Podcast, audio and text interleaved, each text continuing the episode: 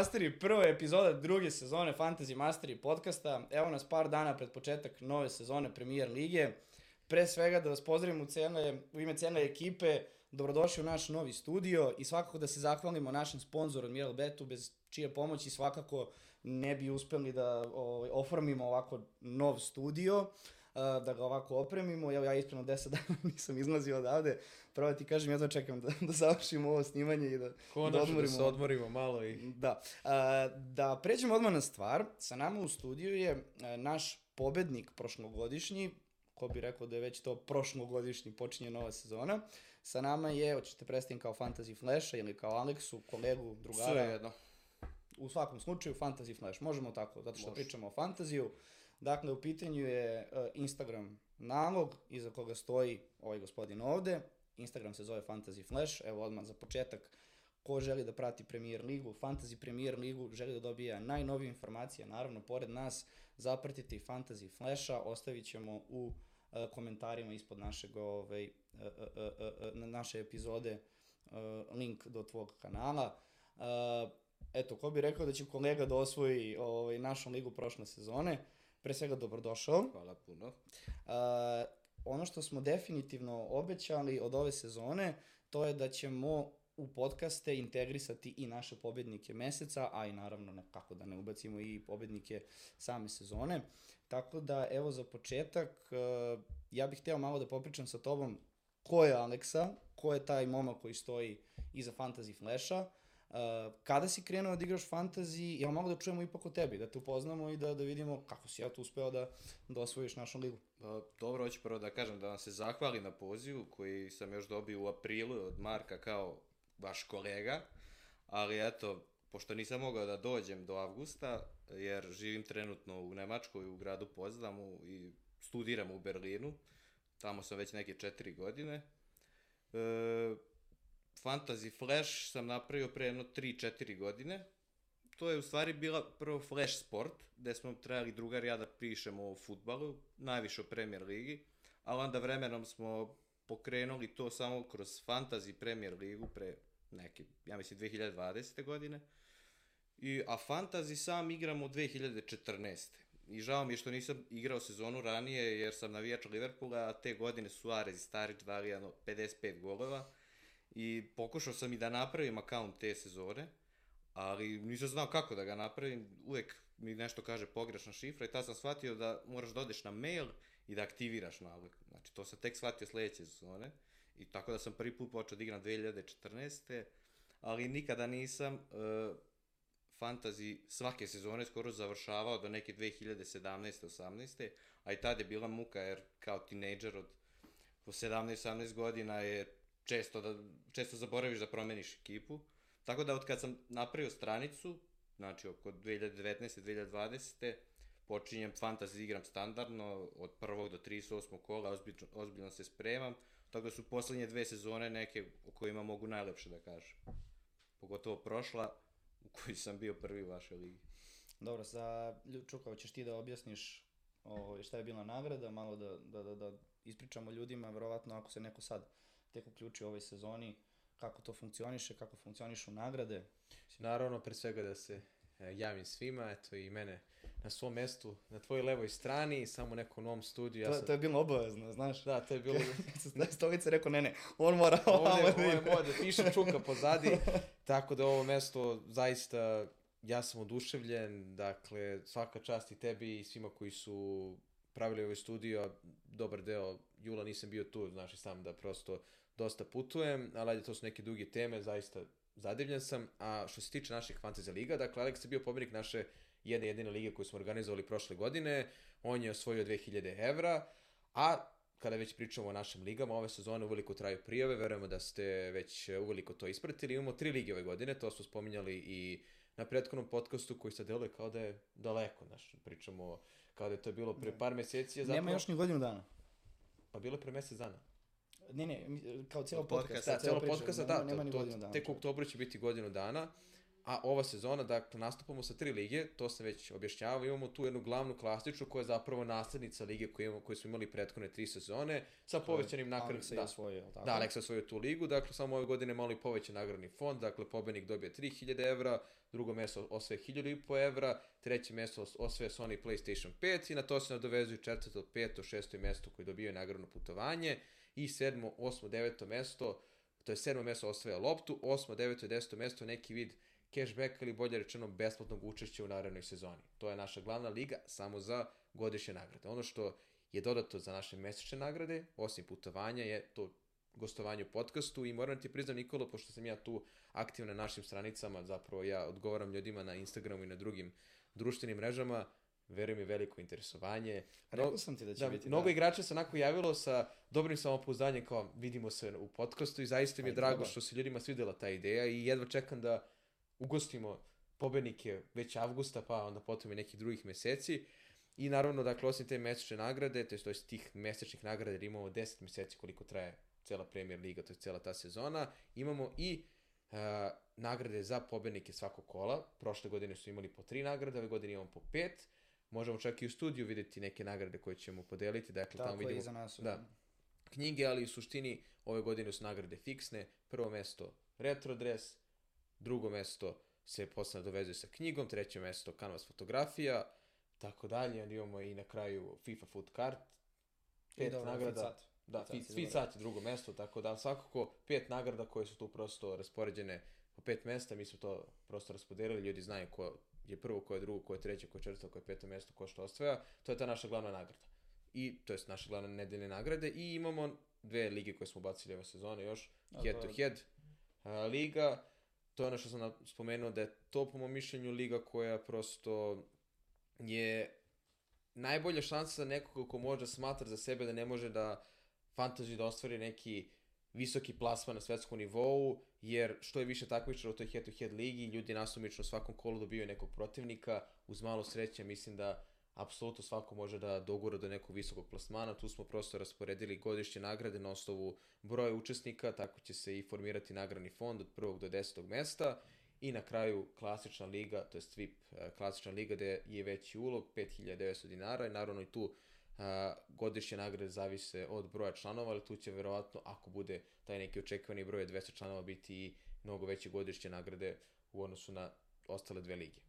Raspričao se on, ja sam samo teo da, da ispričam o Fantasy Ligi, ali dobro. E, i, i ima još jedna stvar koju sam želeo ove godine da istaknem, dakle, vidite sami kako je fantasy na Balkanu i generalno u svetu su u ekspanziji, svake godine ima sve više i više igrača. Želimo ove godine takođe skrenemo pažnju i na jedan- humanitarni karakter, dakle, a, ekipa Fantasy iz bloka a, u saradnji sa organizacijom Srbije za Srbe organizuje humanitarnu Fantasy ligu. Dakle, kotizacija je 1000 dinara, to je 10 evra ako neko uplaća iz inostranstva.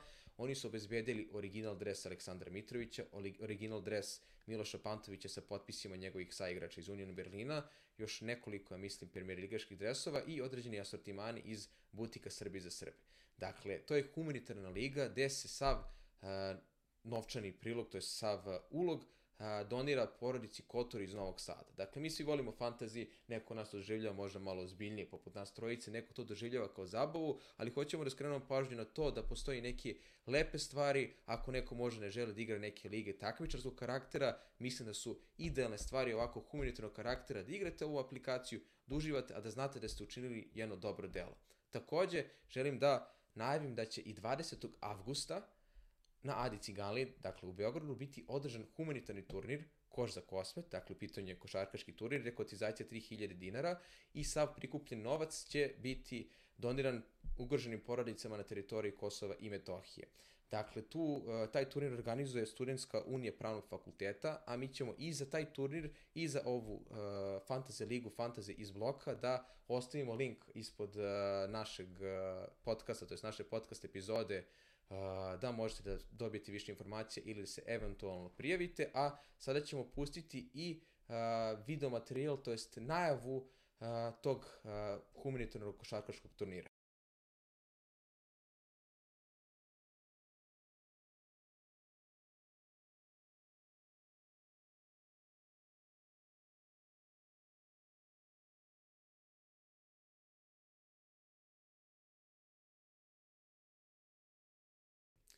Nikola, to bi bilo to sa moje strane. Ja sam možda malo ponovo produžio nekom Ništa. maniru. Slobodno, sad si slobodno. Vidimo se. Prepuštam reč vama. E, ja te da ga pitam samo za, za nagradu koju je bila za prošle Kraj epizode možemo Ja samo zato. da te pitam, ovaj, na šta ćeš da iskoristiš nagradu, ili će to da ostane jedna privatna stvar? Ne, mo- mogu slobodno da kažem. Jedan deo sigurno odlazi, e, vjerojatno sledeće do, godine idem sa drugarom na trku Formule 1, zato Opa. što pratimo on i ja još od naše sedme godine to i navijamo za Fernanda Alonsa i želimo da idemo u Španiju, njemu, njegova karijera je uskoro pri kraju i voljeli bi da zajedno da ispratimo tu možda i poslednju njegovu sezonu i sigurno jedan deo će otići ovako nešto da ja kupim i voleo bi da jedan deo ode u neki budžet, da jednog, ne znam, sledeće godine ili one tamo odemo u Liverpool na jednu utakmicu, Tu će najvić, najviše viza da te zeza odmah, da ti kažem. Pa možda i neće, vidjet ćemo. Jel igraš Fantasy Formula 1? Pa igram, ali napravim ekipu na početku i bukvalno više ni ne menjam i ne kontam baš uvek i ni pravila, i ne dopada mi se, nije kao Fantasy Premier Liga. Igram još neki Fantasy ko Euroligu, ali ne radi me to kao Premier Liga. Šta misliš, što, što, je, što je baš Premier Liga Fantasy ovaj, toliko zaživeo, ajde kažemo i u Srbiji, ali generalno kod nas na Balkanu u odnosu na eto Formulu 1, kako sam shvatio, čak i uh, Euroliga ima, ima, Da, i- Ima Ima NBA, dosta. ima Liga Aha, šampiona. da, da, Mislim, da. ima, ima ono, gledao sam Norveška liga, ima i Serija A, imaju uglavnom sve te veće lige fantasy, kada pričamo o futbolu, ali ne može ništa se poredi sa Premier ligom. Ali ajde kako poređujemo druge sportove, dakle ta Euroliga, NBA, F1, to jest Formula i Premier liga su nešto što je tu onako planetarno popularno. Naravno, zna se koja je aplikacija tu Pa da. nekom vrhu, ali prati si to. Ja sam isto igrao pre e, Formulu 1 fantasy. Mislim da je to pre svega zbog futbala, zato što je najjednostavniji za praćenje samo i imaju najlakša pravila da se može, može i, ne znam, koji ne prati futbal može da shvati kako se igra taj fantazi, jer šta, treba da bude jedan go, asistencija, clean sheet, dok u ovim drugim sportovima malo to komplikovanije, a Premier Liga kao Premier Liga najpopularnija na svetu i jednostavno ja sebe uhvatim da gledam nekad Southampton Burnley umesto Real Mhm. Atletico, zato što ne znam, ima, imao sam nekad tad Tadića u Southamptonu i jednostavno je to taj fantasy učinio da ljudi više gledaju, dru, više gledaju Premier ligu nego ostale lige. I mislim da to samo može da ide i gore i gore, a i svake sezone od kad je startao Fantasy 2002. 3. svake sezone imamo sve više ljudi. Možda ove godine bude i 15 miliona čak. Ako se ne varam, prošle sezone je bilo oko 85.000 uh, U Srbiji. I, u Srbiji, da, samo u Srbiji. Ove sezone, Ja, 100.000, 100%. Do Trebalo kraja da. sezone će biti Da. 100.000 nalaz. s obzirom, pošto se fantasy u Srbiji mogu se primiti još dosta popularizovao i da. na nekim drugim, jer kažemo, stranama futbala i sporta, ja zaista očekujem možda i tih 100.000 magičnu cifru. Baš sam razgovarao sa Aleksom pre a, podcasta, kada smo dolazili ka studiju. Srbija je u Evropi jedna od a, država sa najviše igrača po glavi stanovnika. Top Dakle, pet, ja mislim. da, top 5 u Evropi. Što imamo Engleze, Pa Norvežane, Englezi, Norvežani, verovatno Irci i Irci Šveđani. i Šveđane i onda dolazimo mi.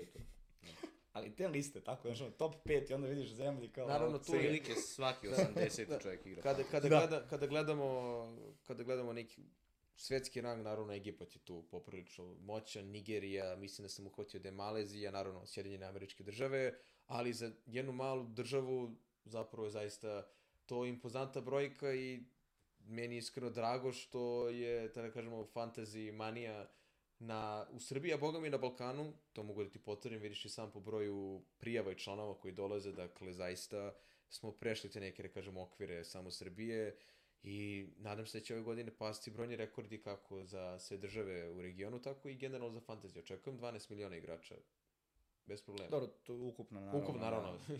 nema nas toliko, ali... A dobro, ta dijaspora nikad ne treba da se pocenje. Evo, Da, da. Konkretno, i ako ti studiraš u Nemačkoj, mislim, eto, primer, on, Da. oni tebe računaju zapravo, ti kad praviš nalog, ti možeš da izabereš Srbiju, ali, Biram, tebe, ja biram Srbiju. Da. ali oni tebe automatski stave i za Nemačku Ne, ne, ne, ne. zbog Ne, IP ti sam, adrese, jel? ti sam Ne, biraš Srbija, državu, da. možeš staviš da si iz Alžira. A možeš da imaš možda problem ako Znam. osvojiš neku nagradu, tipa budeš prvi, drugi. Da, da nisi izabrao zemlju u kojoj živiš. Mislim da je tako nešto. Da, pa dobro, ti moraš da vrtiš pažnju na to. Dobro. Definitivno. Teško je biti prvi tu. Na to ne puca. Ove, momci, hoćemo mi da se bacimo na posao? A? Konačno, posle...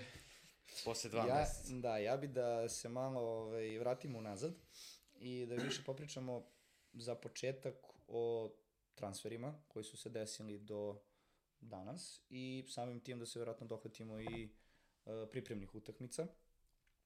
Tako da ja bih izdvojio tu par ekipa o kojima ćemo pričati, naravno ne možemo svih 20 da izdvojimo, ali nekih, hajde da kažemo, top 5, 6 sigurno, ili ako me neko zapao za oko sa, sa transferima. Tako da evo da pustim tebe, Aleksa, prvo izaberi jedan tim.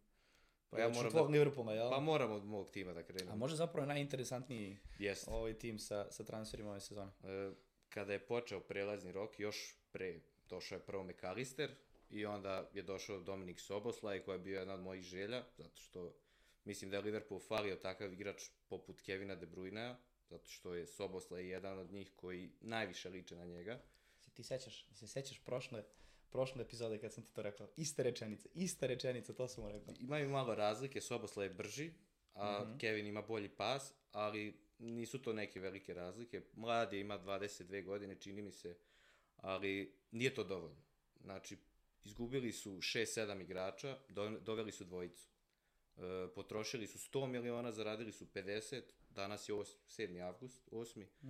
I, e, I oni su na ničemu, znači imaju samo dva pojačanja i ja ne vidim da će moći da izguraju ovu sezonu sa 22 igrača. U odbrani imaju Matipa i Gomeza koji nisu trenutno igrači, ja mislim, ni za Premier ligu. E, potrebno je da dovedu jednog desnog beka, potrebno je da dovedu štopera, levog ili desnog, sve jedno, i potrebno je da dovedu zadnjeg veznog.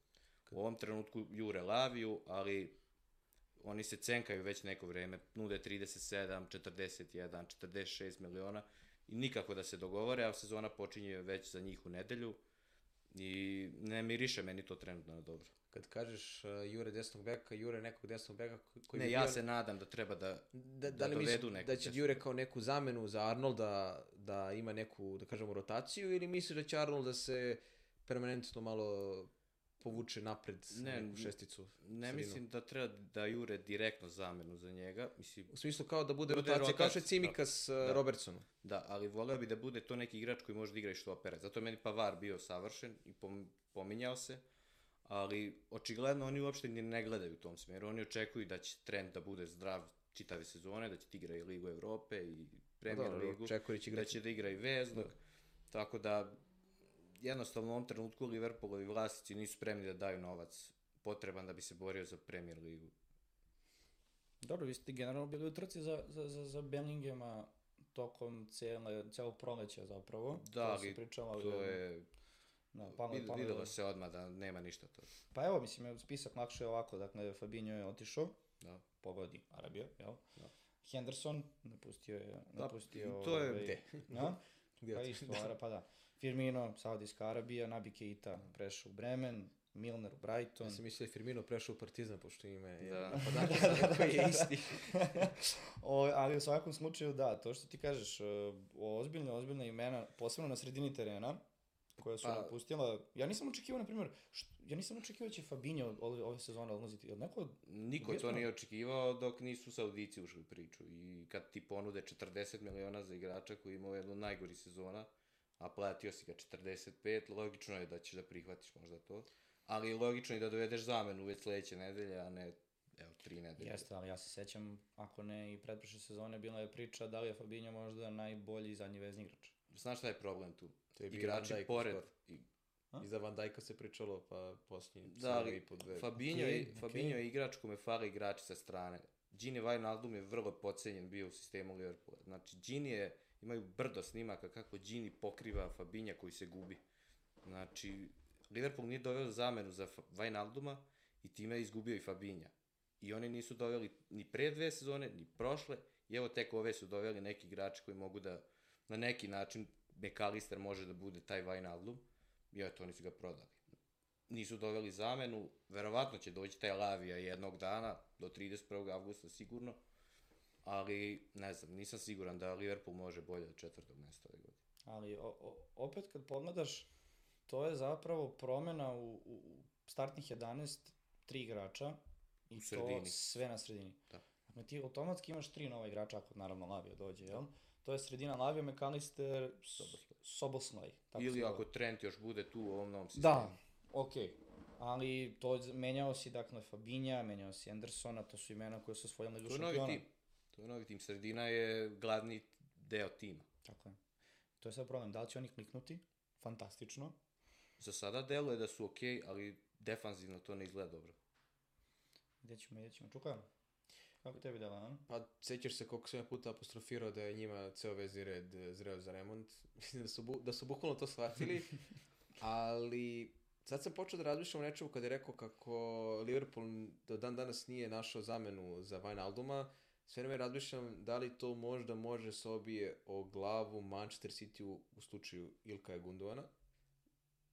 Ne, U kao kom, u kom smislu? pa u smislu, da kažemo, tog igrača koji je dosta stvari svojom radnom etikom pokrivao na terenu, da prosto možda Manchester City ne može naći adekvatnu zamenu za tip igrača kao što je bio Gundogan, kao što je Liverpool. Ne, da, Ne, došao ne samo to. da, Da, ali ne samo to. Sjetite se ko je dao dva gola Barceloni 2019. Da. Igrao Liverpool, Gini Wijnaldum. Isto ko je, i- ko je, šta je Gundogan radio na E, kraju prošle sezone. da, da, nekako taj američki izraz, izraz klač Da. je uglavnom Mhm. bio za Gundoana u Manchester City-u. Došao je Kovačić, ali mislim da to nije 100% isti profil igrača kao što je Gundogan. Dobro, naravno, ali Liverpool. Da, da, to doćemo si, da. On je odmah krenuo. Što se tiče Liverpoola, Nije ni City ništa manje zanimljiviji. da, što se tiče Da. Liverpoola, dakle, mislim, on je, Alex je sve manje više apostrofirao, dakle, dovedeni su McAllister, Sobošlaj, Soboslaj, SS, uh, dočekujemo taj dolazak Lavija, ja zaista verujem da će Southampton da popusti, jer eto, možda nisu u nekoj poziciji sad kada su u čempionšipu da pregovaraju, ja verujem da bi i Lavija voleo da igra za Liverpool, ne za Southampton, ali i meni isto ne delo da Liverpool može dalje od trećeg, četvrtog mesta, Da. to sad zavisi da li će neko od ovih timova koje sam ja projektovao da budu iznad da možda imaju slabiju sezonu. Naročito sam video slabosti Liverpoola na utakmici protiv Bayerna, to sam isto razgovarao sa Aleksom, koliko je bušna i promena bila pozadi u odbrani, naročito na tim stranama da je igraju Alexander Arnold i Robertson, tako da osim te, da kažemo, sredine da možda fali neko ko može eventualno da uskoči umesto e- McAllistera i Sobošla, jer jedna povreda tebe ubacuje u konceptski rizik gde opet dolaziš skoro na staro. Dakle, ajde, oni tu imaju Elliot, imaju Bajčetića, dakle imaju kao tu, ne kažemo, neku još mladu snagu, ali Ne mislim, napadaš titulu s tim. da, prosto mislim da Liverpoolu i dalje fali neka dubina, a sad mislim da fali ipak njima dosta više rotacije pozadi. Slo, složit ću se sa Aleksom, dakle da Van Dijk kao stup odbrane, koji je isto imao slabiju sezonu, mnogo slabiju za svoje neke standarde, uh, uz Konatea, Matipa i Gomeza, mislim da on ne može da iznese celu sezonu, to je da ne može cela odbrana da iznese sezonu, a da očekuju realnu borbu za trofej. Ovaj, meni deluje da mi malo zaboravljamo ipak da pričamo o Klopu, dakle, treneru koji je definitivno sposoban da, da izvuče sezonu pod broj 1. Pod broj 2, deluje mi da zaboravljamo na momke Darvina i, Gakpa, pre svega, povratak, e, e, pa možemo reći i Luiza i, i Žote, koliko su bili odsutni prošle sezone, gde mi možemo maltene da kažemo da su to u neku ruku nova povećanja Liverpoola u odnosu na prošlu sezonu. Pa ako pričamo o napadu, možda ima i najbolji napad u ligi trenutno. Znači, jeste Po- City ima, da ima mašineriju, Po, po imenima, da. po dubini, imenima da. i po širini, mislim da imaju u proseku pet najkvalitetnijih igrača. Ali kažem, Liverpool je tim koji je izgubio najviše igrača prošle sezone, znači, a ove sezone je 17 ekipa dovelo više. Znači, to nije normalno. Znači, ako izgubiš toliko igrača, logično je da budeš među prvima koji su doveli, doveli najviše igrača, a ti počinješ sezonu samo sa dva povećanja. Jeste, ali znaš ako isto gledam, a, koja je standardna sredina terena, znači e, Anderson, Fabinho, Wijnaldum i ko je bio, Fabinho. A pre Fabinha, Nije bio niko nije znači pre. Bio troje- Emre Can i onda je došao Fabinho. Imaš i Keita koji je zaboravljen. Ok, Da, taj Keita je je bio povređen Da, je igrao. Da, da, ali evo, na primjer, dok imao si Fabinja iz Monaka, ok, to je bila ona posebna ekipica, imao si Wijnalduma iz, iz Newcastle koji, realno gledano, tada kao pojačanje... On je ispao iz Lige Newcastle kad je Tako došao je. Ronaldo. Tako je. I, ok, Anderson koji je već bio u ekipi. Dakle, to nisu bila imena koje je Klopp načinio magičnim igračima ovaj, preko noći, ali sa takvim imenima je uspeo. Zašto da ne sada sa, sa novom garniturom? Ne, ja Znaš, nemam, je- nemam problem sa novim igračima. Obojica su sjajna pojačanja. Imam problem sa tim, a šta ako se povredi? Fali, Opet fali rotacija. Da, opet igraš sa Curtis Johnsonom, igraš sa Elliotom, igra Bajčetić od 18 godina, koji je igrao dva meseca stalno svaku utakmicu i povredio se njega četiri meseca. Ne očekujem ni da Tiago bude igrač koji će da igra čitavu sezonu, jer on ne može da spoji više od mesec, mesec i po. Konate je maksimum dve, dva meseca uspeo u Liverpoolu da igra bez povrede. I onda kad ti uskoči Matip i Gomez, ti si slabiji, pa ne znam, 5-6 puta. Videli smo protiv Bajerna da je Gnabry baca Matipa dva puta. Kao da je igrač, ne znam, iz treće Nemačke lige, a ne iz Premier lige. I to tima koji želi da se bori za titulu i da, ako ništa, bude bar u Ligi šampiona sledeće sezone. Ali, kažem, ako urade do kraja prelaznog roka, dovedu tri igrača bar, imaju dovoljno potencijala da se bore za titul. Nisam očekio da će baš biti ovako pesimistično od strane navijača Liverpoola, ali dobro. Ja sam realan i objektivan kad je Liverpool. Uvijek. E, kako bi ocenio od 1 do 10 premazni rok Liverpoola? Dva igrača što su došla, za mene 10. Ali ako gledamo šta da, je ceo- trebalo ceo- da se ceo- ceo pa premazan. 5. 5? Mhm. Šest. 6, dobro, ja kažem 5 i po 6. Ali dobro, da, slažem se. Ako dođe ta ne. trojica, 8, 9. Može. E, trojicu misliš na? Štoper, zadnji vezni i sad da li će dovesti još nekog veznog ili desnog beka, svejedno. Ali tri igrača trebaju. Možda ko planira da ceo ofanzivni arsenal uklopi u... Pa, i Da, da mu se žota i neko Liverpool igra... Da. Povučenije mi vraća trenutno na ekipu iz 2017. godine kad je bio Škutinjo, tu koji je igrao protiv Watforda prvo kolo 3-3, koji je mogao da da 8 golova Spartaku u Ligi šampiona, tako deluje. A tek sledeće sezone su uspeli da dovedu Van Dijka, Alisona, Fabinja i postali su tim koji je u City imao najbolju i odbranu lige. Tako da možda ova sezona bude ta neka, da kažem, revolucija malo u tom ofanzivnom delu, jer su do sada imali trojicu na sredini koji su bili realno igrači koji su trčali samo, krali lopte, a sada imaš dvojicu koji su ipak malo i kreativniji i mogu da ponude i golove i asistencije. Tako da, verovatno ćemo ove sezone gledati drugačije Liverpool, a one tamo možda možemo da očekujemo uz neka pojačanja dodatna u odbrani da se oni bore verovatno za titulu tamo sledeće. Što znači da u prvom kolu Chelsea Liverpool 3-3. Pa, zadnje Idu 4 gol. 5 zadnje 4 5 utakmice Bilo bilo 0:0, 0:0, da. je- da. Ona moja, moja obrnuta kletva od ove sezone nema više prognoziranja 0-0. Kako je rekao, nema. Ne, sada, dakle, 3-3 i mislim da će svi biti srećni i zadovoljni. Dobro, on neće. Neće ni Kristo. Vidi, ako Neće Salah da 3 gola, bit će. E, dobro, ajde da se bacimo na Arsenal. To me interesuje, šta mislite o Arsenalu? Nemamo navijača Arsenala ovde, ali Pa Ja nemamo, prvi, ja. nemamo ni vani. Da. Ne znam ko navija za Arsenal. relje. Da, kukurelja. Kuku, kuku. Vrelja, molim te, druže, izvini, znaš da sam potpuno zaboravio u mojoj glavi Chelsea i dalje, ja, i ja, izvini, brate. Ne, vez, Aleksa, Arsenal, kreni, molim te, Arsenal. Realno doveli su tri igrača za puno para. Rice 120, Havertz 70, Timber okay, 35. Ajde da on ponovim je još jedan put Havertz 70. Havertz 70. Timber još onako realno da kažemo. To je dodaj i. Raju, pošto je here we go za... Dobro. Da, ne znam koliko je para, ali zna. 30 miliona. To je odlično. E, Raja, evra. meni, Raja meni bio prošlo je najbolji golman u Premier Ligi. Da, Znači, dobro, dobro posao. nije nemoguće da skine Ramsdale iz gola. A što se tiče, evo, Havertza, na primjer, nije moj tip igrača. Znači, on za mene nije špic. Videli smo sad nedelju. Mm. Znači, on ne, ne može čovjek da da gol. To se videlo u. Me- Znam da kad se ja rekao, Havertz nije dobro pojačanje, nije špic, znači on ne može tu da igra, odmah je bila poruka.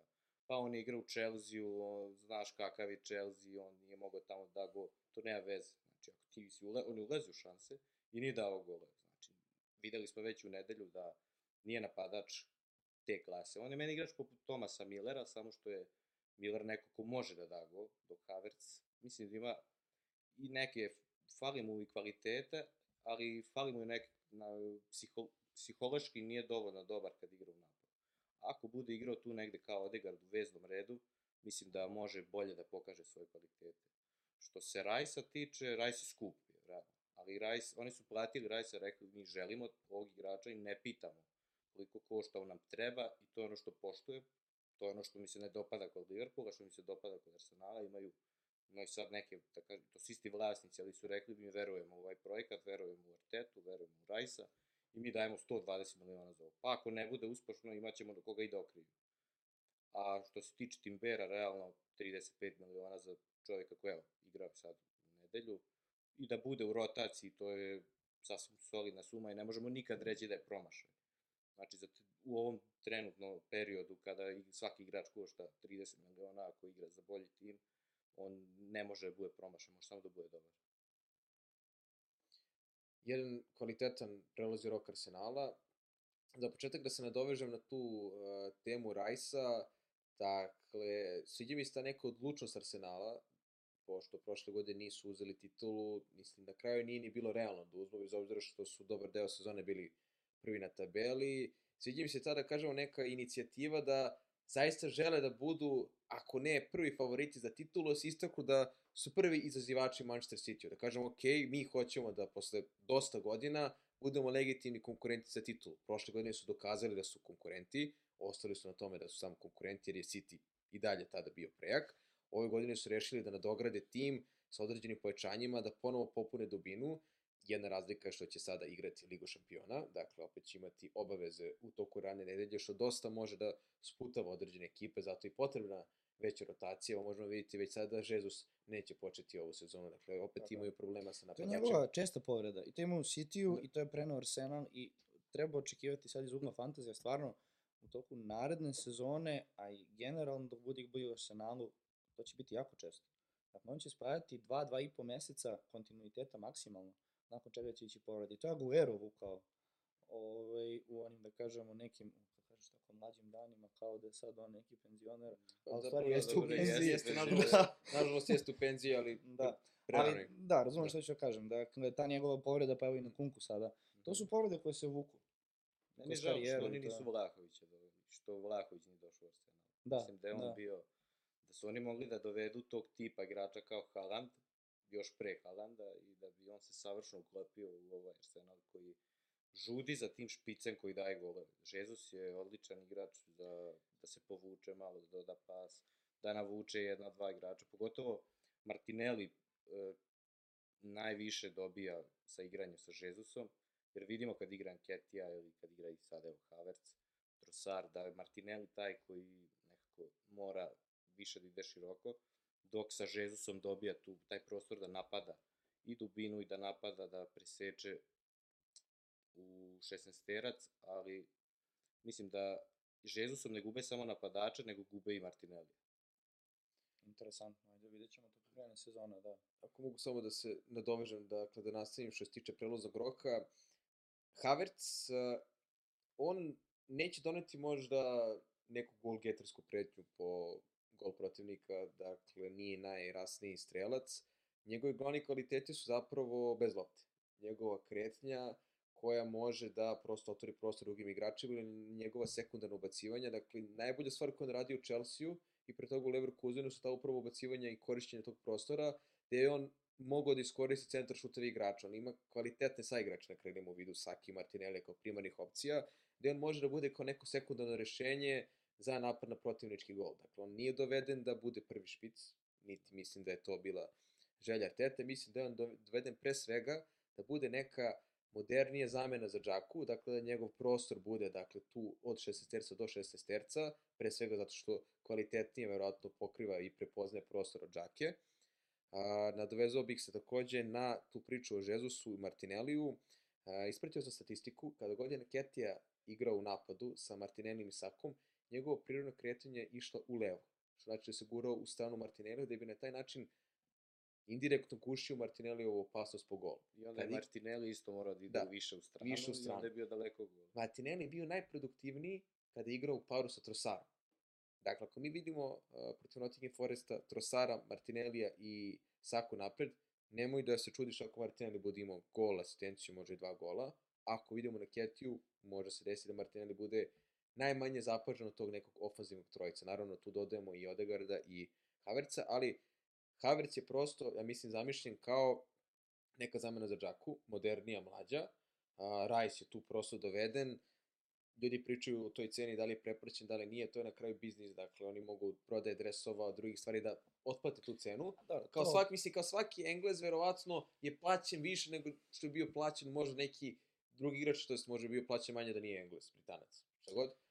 Ali ta cena za nekog igrača koji je bio najbolji igrač West Hama, dakle neko koji je uveliko i deo reprezentacije engleske, neko koji je u Premier Ligi dokazan, ok, možda nije se sad u Ligi šampiona pretrano dokazao, to jest nije ni igrao Ligu šampiona, osvojio je sa West Hamom Ligu konferencija, sada prelazi na viši nivo, od tima koji je uglavnom bio na sredini tabele, eventualno se borio za neku ligu konferencija, nekad iz opstanak, dolazi u tim koji se bori za titulu, koji hoće da prosto da do znanja i drugim timama i Manchester City-u da je spreman da uđe u tu borbu. Dakle, Arteta je dobio zeleno svetlo novac od njihovih uh, vlasnika Arsenala, što možda Unai Emery nije dobio kada je on bio trener, bez obzira što smatram da je on nekako možda nepravedno onako uh, Čak završen, i Arsene Wenger.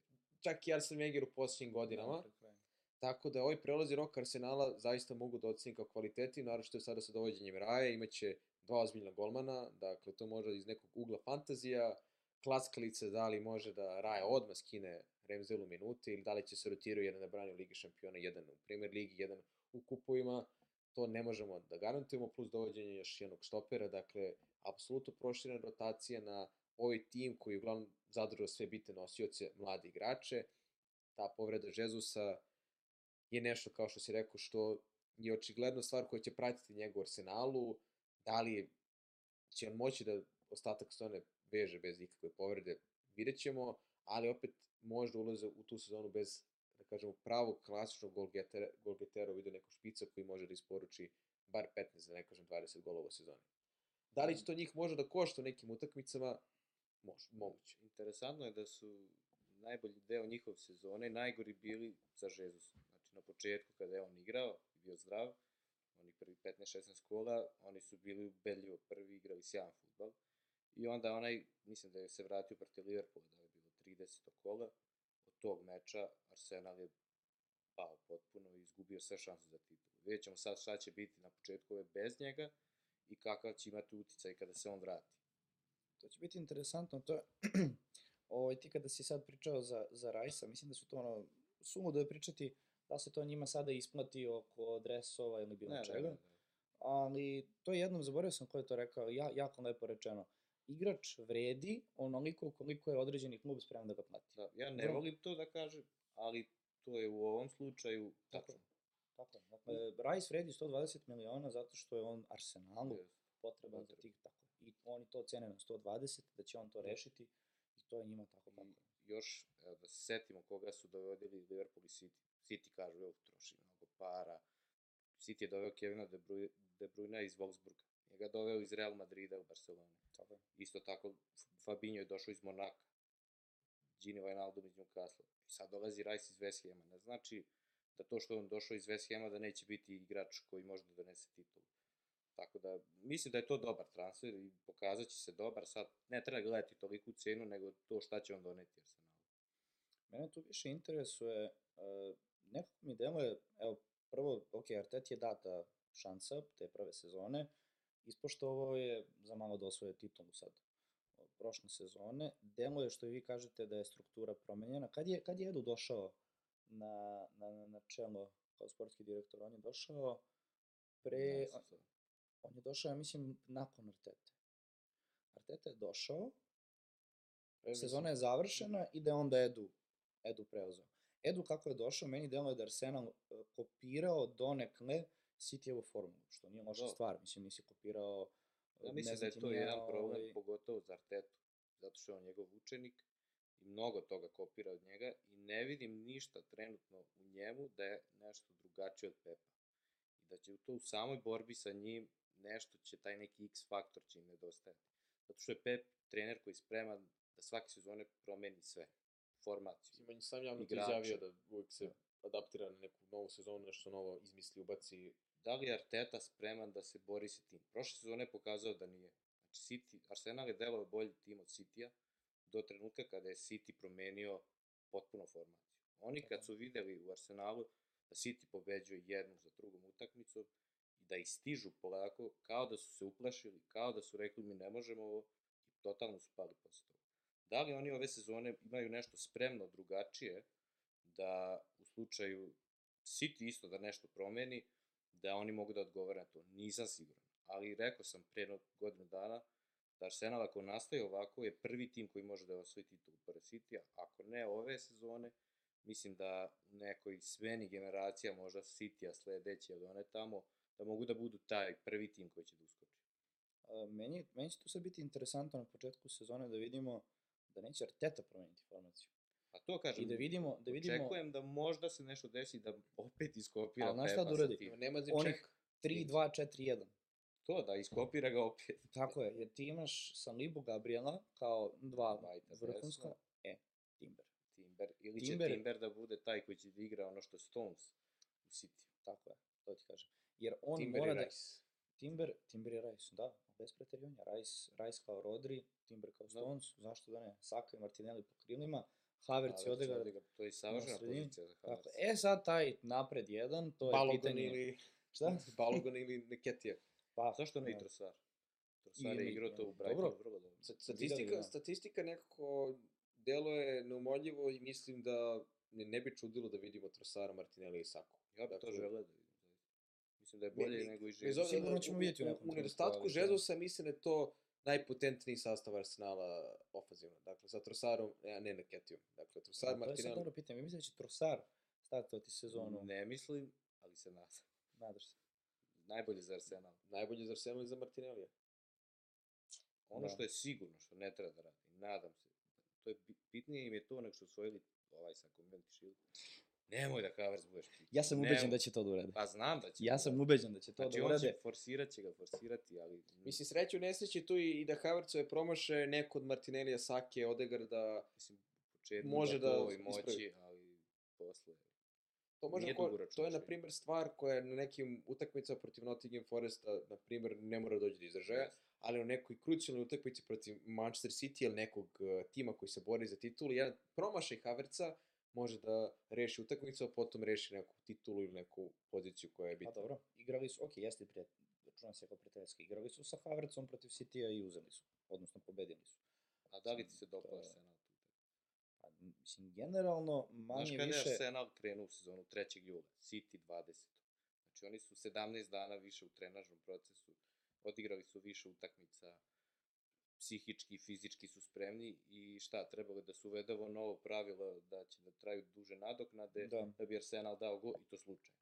To je bitak bio, mislim. Dobro, vidi, slažem se, na kraju rezultat je bitan, mislim, svakako, ovaj, ali, evo, ako se dotaknemo već City-a, polako s Arsenalom, Uh, znaš kako, ja kad gledam Arsenal u neku ruku, malo i uživam, jer vidim tu formulu koja daje rezultate definitivno.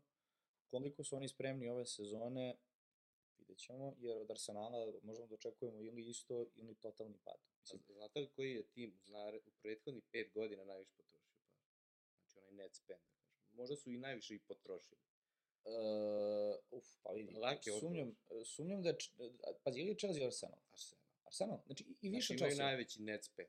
Da, mislim da imaju minus 640, 50 miliona. Sad ti je o, Da, Chelsea je prodao, ono, Chelsea je potrošeno prodao dosta. u odnosu Chelsea na dosta. zarađeno. Chelsea dosta prodao, to taj Čak sam- Manchester United i Chelsea, ako poredimo prošli godinu dana, tu je negde 50 do 100 Chelsea miliona se sad otarasio Da, ali ne samo tad, nego su prodali i Azara, ja mislim, tad. I Dobro, ćemo Chelsea onda, mislim. To, to, jedno. čekajte, da samo izvadim, kažem, redom. Arsenal, da izvadim spisak. Ne, nego samo da kažem da, da to što se dešavalo svih prethodnih godina u Arsenalu, treba u jednom trenutku da dobije neki dodatan nivo, bar da osvoje neki trofej koji nije, da kažem, FA Cup i Community Shield, nego eto da je Premier Liga. Liga šampiona.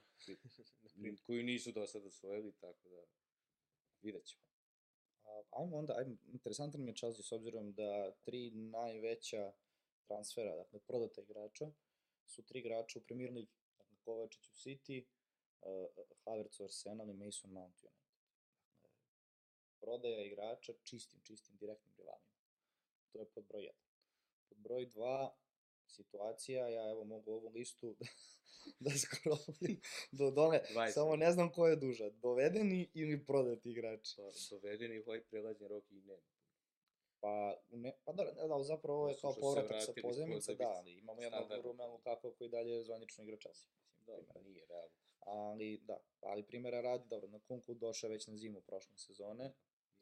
Ali računamo ga kao pojačanje od ove. Da neće igrati do, dio- ni do ove zime. Tako je. Pa, da, znači, to, to je ta priča sa njegovom povredom, dakle, e, ta povreda će trajati jako, jako dugo, to je prva stvar. Druga stvar je što, ajde što će trajati, nego što je to povreda koja se e, e, brzo vraća i ne bi me čudilo da na Kunku sastavi ukupno nekih desetak nastupa u sezoni.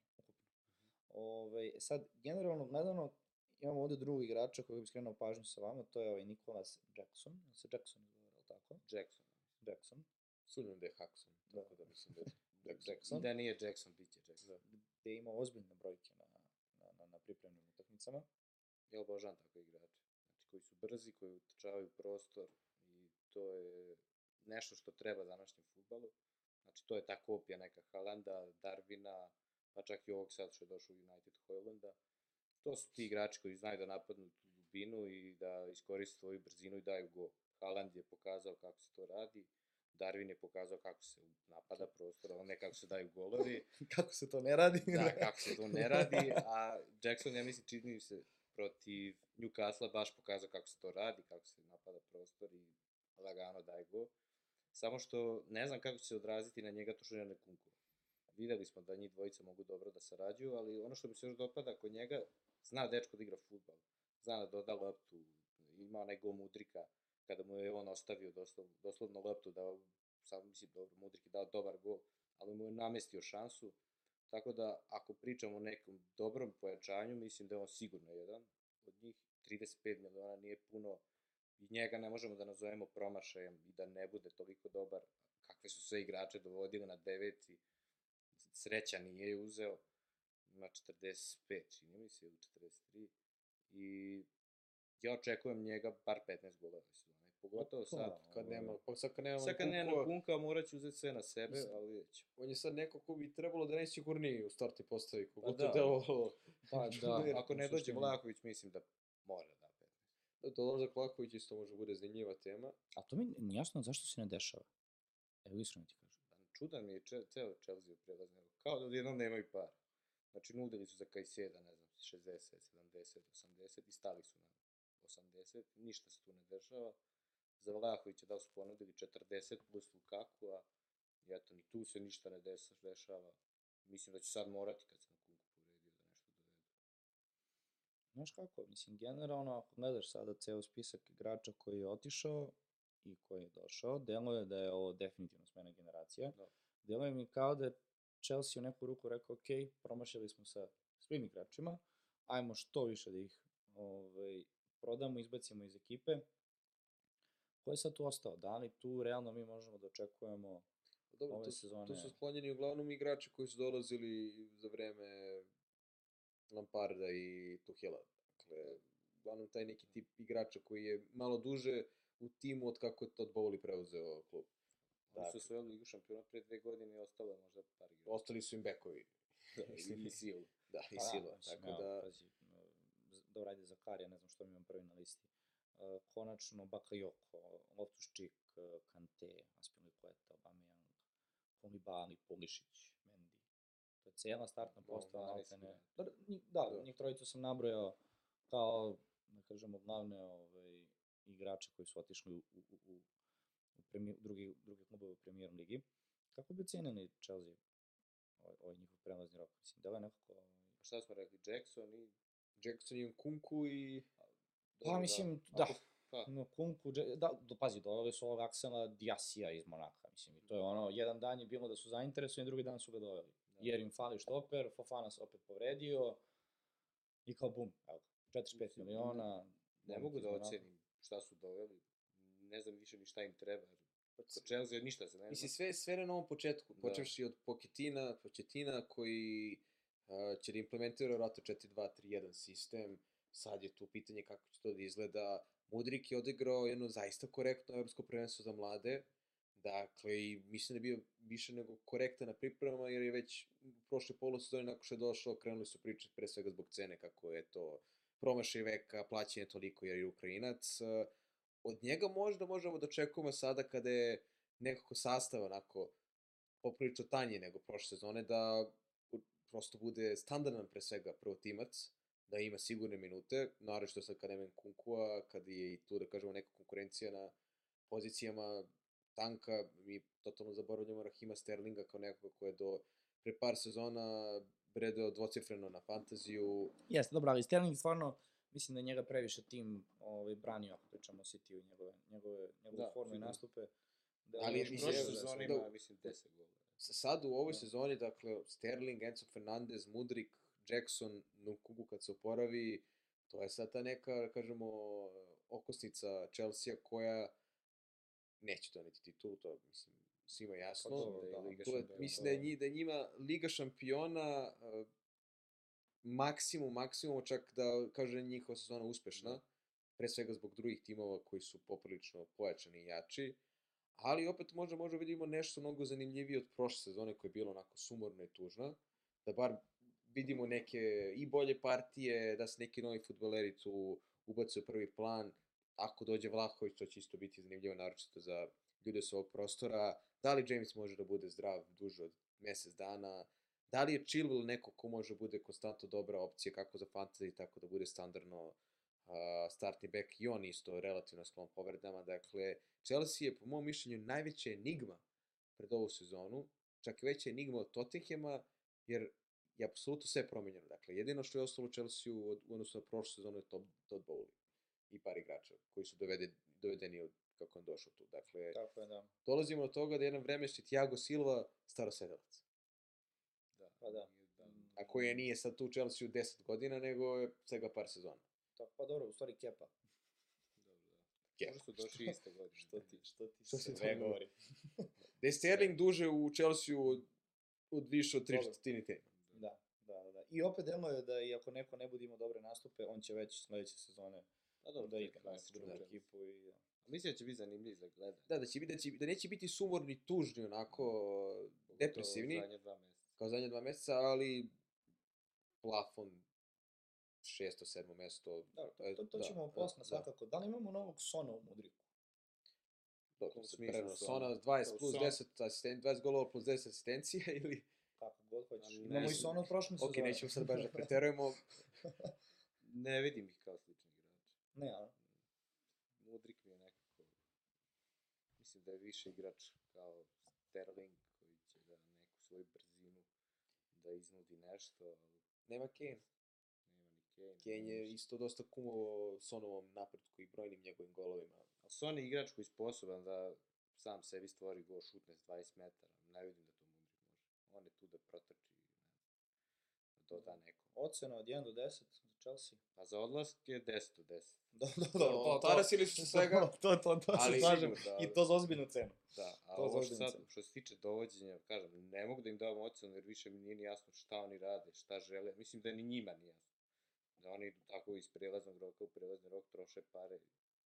Da nema neke koncepcije. A ono što ti kažeš, a onda mesec i po dana pregovaraju sa Brightonom za, za Mojza Kajseda, Da. neće da daju pare koliko, koliko Brighton želi, i onda u tim pregovorima, bum, kupe Sančeza.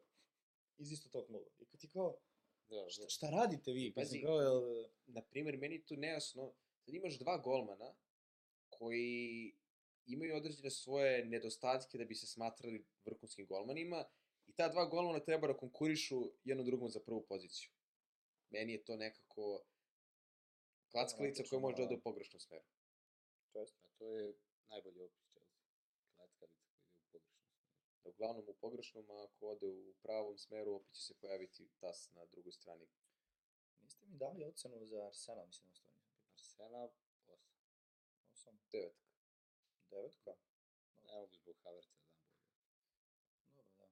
Gore, dole, pa dobro, ja bi, ja bi dao neku možda osmicu. To je to, ne, odličan prelazni rok, možda Da, da, pa definitivno što bolji. treba. Chelsea je neka šestica, sedmica. I to da nije bilo ovakvih odlazaka, bilo bi možda i slabije od... Sa na eh, kunkom dao bi da. da. sedam, ali kažem, nije mi jasno. Sa će. povređenim kunkom, kao da pola posla nisu Da. odradili. Dobro. Manchester City. A to najbolje ti. Hoćeš ti prvo i...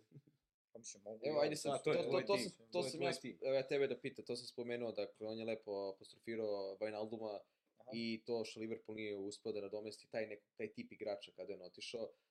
Da li misliš da će Gundogan previše da fali City u ove sezone? Moje prvo pitanje. Pa znaš kako, falit će svakako jer ne možeš ti da dovedeš igrača koji će iste sezone da zameni to što je Gundogan radio. Mislim, prvo i osnovno. A, drugo, mislim da dolazak Kovačića onako baš jedan odnos cene i kvaliteta, izuzetno, izuzetno dobar, gde u neku ruku Kovačić podsjeća na Gundogana od pre jedno možda 3-4 sezone. Da vas podsjetim, Gundogan je došao u City na štakama. Dakle, došao je iz Dortmunda sa potpuno drugačijom vizijom, stilom igre i umogom koji ima na terenu, da bi on kroz godine potpuno promenio ovaj, svoj stil igre i došao upravo, kako si ga ti nazvao, kao jedan klač. Da. Tako da mislim da je Iz drugog Kovačić... plana. Šta da? Iz drugog plana uvek se Iz drugog plana, tako je. Da. To, Gundogan je imao neverovatan osjećaj da uđe u 16 kada treba, na drugu stativu. I to je čak uh, Guardiola jednom spomenuo da je jednoj izjavu rekao je čak, to je bio period kada je Aguero uh, napustio ekipu, a tada je City dalje to na pretpošla zapravo sezona, nije ovaj, doveo Harry Kane kako su hteli. Guardiola je na jednoj utakmici čak u intervju posle, po, posle utakmice izjavio da čak razmišlja Gundogana da stavi na, na, na, na špica, jer od svih igrača na terenu ima najbolji osjećaj kada treba da uđe u prostor i da bude na drugoj stativi. I ti kada pogledaš baš njegove golove protiv Aston Villa kada je, kada je City uzeo uh, titulu, Neću. uh, da, izvini, molim te, ali to je, to je, to je Gundogan. Čeka na drugoj stativi samo da je, znaš, da je ubaci. Pa nemoj zaboraviti, mislim da je bila sezona 20-21, kad je kida.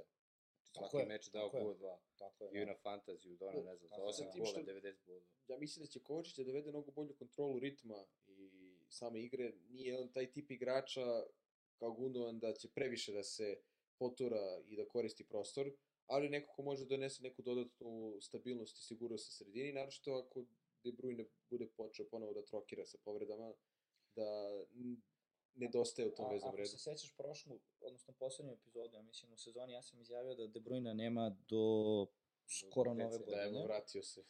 Da, i to je bila jedna od prvih vesti. Znam da je bilo kao jedna, ajde kažemo, proverena koliko toliko, da bi na kraju tokom leta bila informacija da će se on mnogo brže vratiti, verovatno neki septembar, oktobar. Jo. Da, na kraju, evo ga, mislim, da, već igrao. Jedina vest koju sam pročitao je da će propustiti prvo kolo. Ne znam, nisam ja. Dobro, znaš kako, ja baš ti pratim pratiš one, baš. da, da, da. Da, To su bile baš one prve, prve Mene je vesti. iznenadilo kad si to rekao, ono, Jer ima- da Pazi, je vjerojatno ja mislio prvi da ne bih hteo, za ali- City, da. I- To je ima bila informacija. Treći, kako Mene se zove, treći stepen povrede, to jest ono... Ne, ne, ozbiljno povredu imao. da. Pritom, ne samo što ima povredu, nego je on i odlagao, o, o, o, o, o, da kažemo, tu rehabilitaciju, da, što je, Da. nakon toga još, još veće posledice imaš.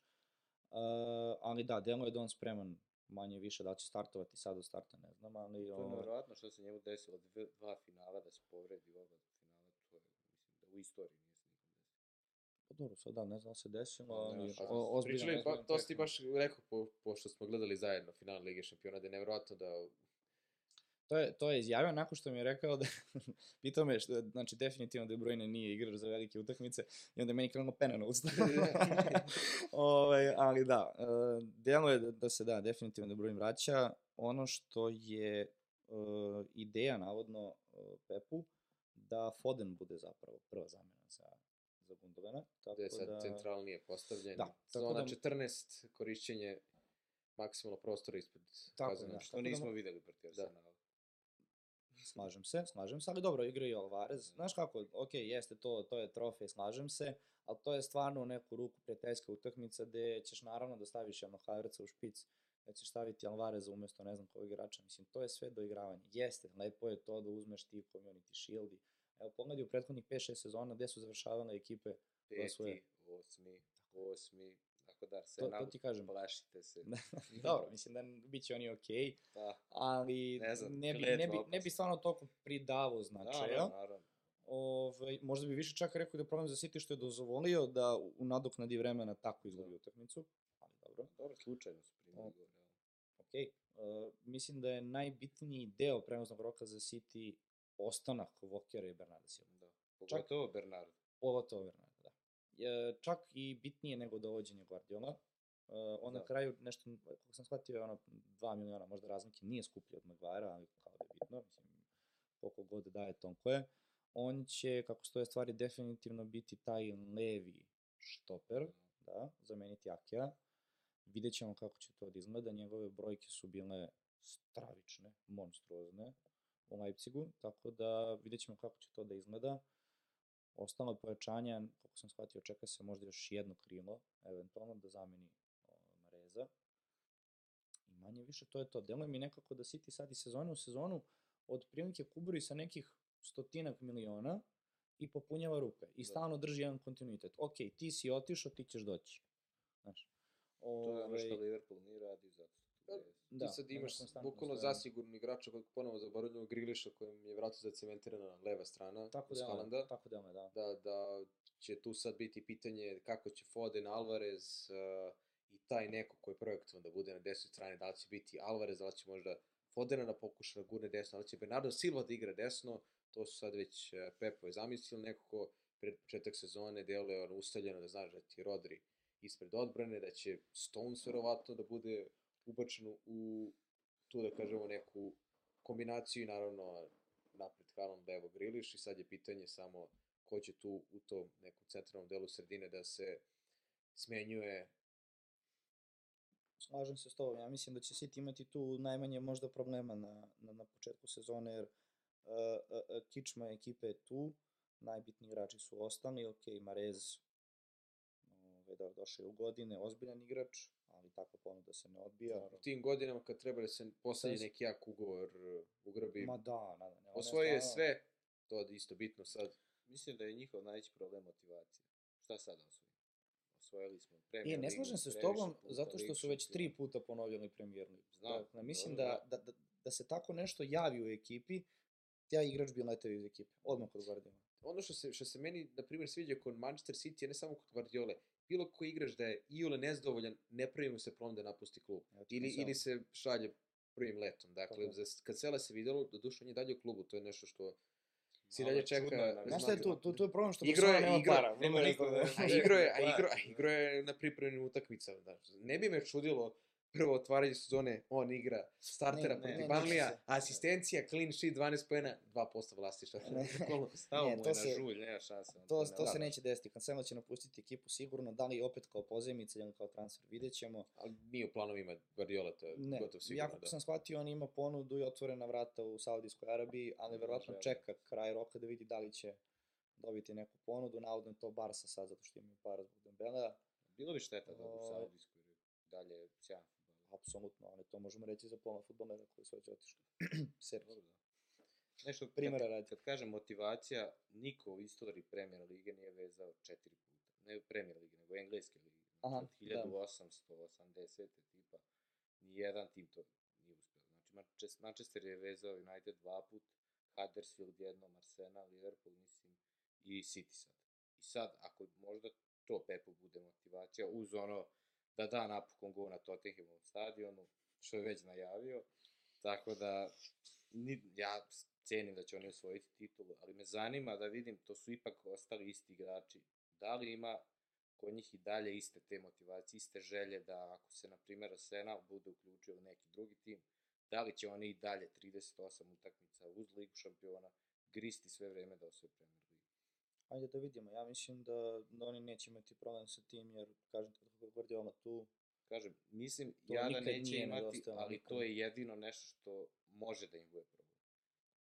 ajde da vidimo. Igrački su savršeni. Uh, u suštini možda nešto iz senke što treba spomenuti za City, najbolji posao koji je odrađen iz ugla akademije i regrutacije drugih igrača, dakle, slanja na pozajmice, a i sama prodaja. Dakle, na primjer, radi mladi Trafford koji je otišao u Barna. za ogromnu sumu novca.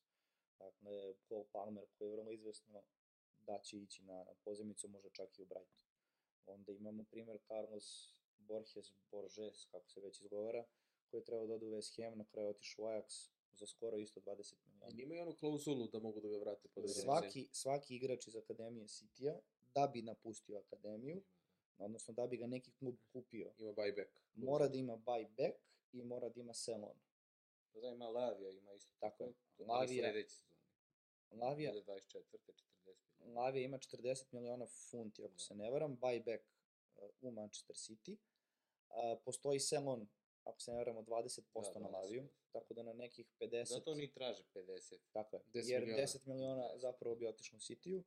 I ono što je bitno je da od momenta, sad ne znam kako se to tačno zove, ali, na primjer, ako Liverpool ponudi 50 miliona, Southampton to prihvati, ovaj, moraju da puste, odnosno da obaveste City i u narednih, ne znam, pet dana, nedelju dana, kako to već funkcioniše, City ima pravo da ponudi istu sumu. Mhm. I nakon toga, ako se Lavija, odnosno da, ako Lavija prihvati ponudu ovaj, City, a Liverpool ne ispada iz trke. Dakle, prvenstvo kupovine.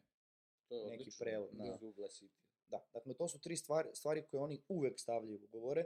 Ista stvar je za Carlosa, ista stvar je za, bila za Brahima. Diaza. Se sećate Brahima. Diaza? Da, da, da. Mislim da su oni Bazuno ono prodali. Bazunu, isto, isto, isto. To Brah, je prosto tako lepo napravljeno, uzet će neke pare ako napravi solidnu karijeru, to jest e, pokaže talent ili nešto što City očekuje da ima u svojim redovima, lako se vrati, ako ne, kud koji mini ako moj. se ne varam, City ove sezone skoro 100 miliona zaradio od prodaje uh, igrača iz Akademije. Što, Što je verovatno rekord. Da.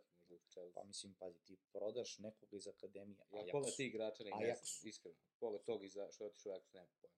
Nisam znao ni za Laviju, ni za Dobro, Bazunu, pazi, ja imam City live, pa gledam nekad Da, da, pa utakmice dobro, znam. u godine. 18. Ja znam neki iz Liverpoola. Pa evo, izvini, Sancho, ista situacija kad je bio u Dortmundu. Nisam ni znao da je bio u City-u dok nije krenuo da igra u Dortmundu. Dobro. Tako je. Ovaj, na primjer, priča za Brahima Diaza, kada je otišao u Real Madrid. City stavio klauzulu da dobija, ne znam, 15-20% od, od prodaje, ali ako ga Real prodaje Unitedu, dobija tipa 35%. Aha. Da bi podigao cenu da ne ide kao, Da, da. eto kao, Ne, oni su Anegdoti. sigurno tim koji najbolje funkcioniše na svijetu. Ne, najbolja, Sad- najbolja sportska organizacija. Da, sad da dodam sa strane šta Da. će biti sa onim 115, 16 prijava, šta je već. ovo je posebno. To se- je negde u fioci zatvoreno. To je, uf, Znaš, ako se to dokaže da su oni nešto muljali, šta onda?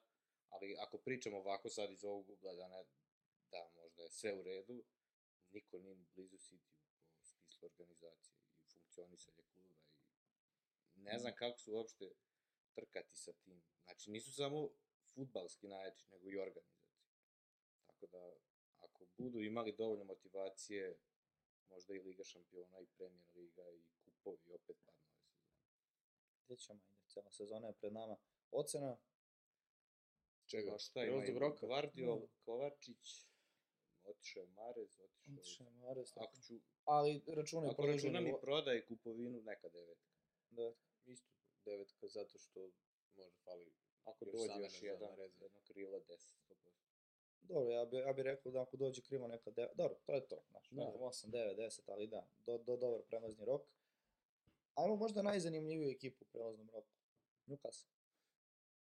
Ili, na, ili, će na, ili možda najpametniju. Pa, Ne smadaš se, a? pa šta su, doveli su Barnsa, doveli su Tonalija, doveli su... Koga su? Sad je skoro Livramento došao. Da, a njega su nešto previše platili. On čovjek bio... Znači, Imao ono- 40-ak. Ja sam prvo čitao da će biti Southampton, 12. fino je Southampton. Da, ja sam čitao prvo da će biti 12 miliona i ono Pa kao odlično. I od svih igrača ostao Ward Prowse. Koji Da. će verovatno Znači da ode. 20 golova i slobodnjaka, naravno. Pa nije, otići će on verovatno, ne verujem da će ostati. Mislim, meni se najviše tu dopada Barnes.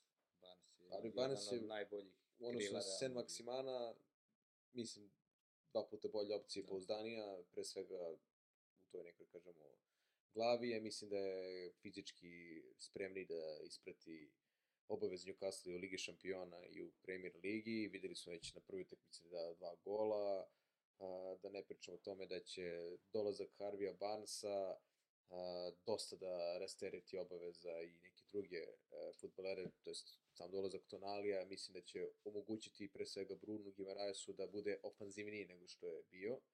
Dakle, će imati te dve osmice, očekao čak i od Joelintona, sad kad je Tonali koji je na defanzivnim zadacima dosta konkretniji, da ima svoju ulogu napadu, gde mi dolazimo do toga da jedan Newcastle, dakle, kada se sljušti napad ili kontra napada nekog protivnika, tebe napadaju Barnes, Joelinton, Bruno Gimaraes, Almiron i u napadu Visak ili Isak ili Wilson. Visak. To bi bilo interesantno imati Visu Isak kao jedno. Dobra kombinacija. Piši ovo blooperse. Visak Toni. Visak. Dobro. To smo pričali kad su došli novi vlasnici za Newcastle. Odlično rade, dakle, neki, da kažemo, kopija kvalitetnog sistema Manchester City-a. Dakle, nije doveden Mbappé, nije doveden Neymar, nije doveden Lingard, dakle, nisu bacili 150 miliona na neko ime koje je nekad bilo uh, poznato da nešto poput Katema Ben Arfu da ono, rehabilituje jer je da, to da, bio da, tako ime. Da, to Pametno rade, imaju vrlo mladog i perspektivnog trenera koji je već dokazan. Ja zaista mislim da oni ove godine ponovo mogu da napadnu top 4, biće teže jer imaš i Manchester United, Liverpool koji pretenduju za to mesto, imaš sada i Tottenham u nekom novom sistemu, ali da rade kvalitetno, rade, ja bih zaista voleo da oni u Ligi šampiona, ako ne mogu da prođu dalje, budu makar treći da jure, Evropa, ju, jure da. tu Ligu Evrope, mislim da imaju kvalitet da tu doguraju dokle god.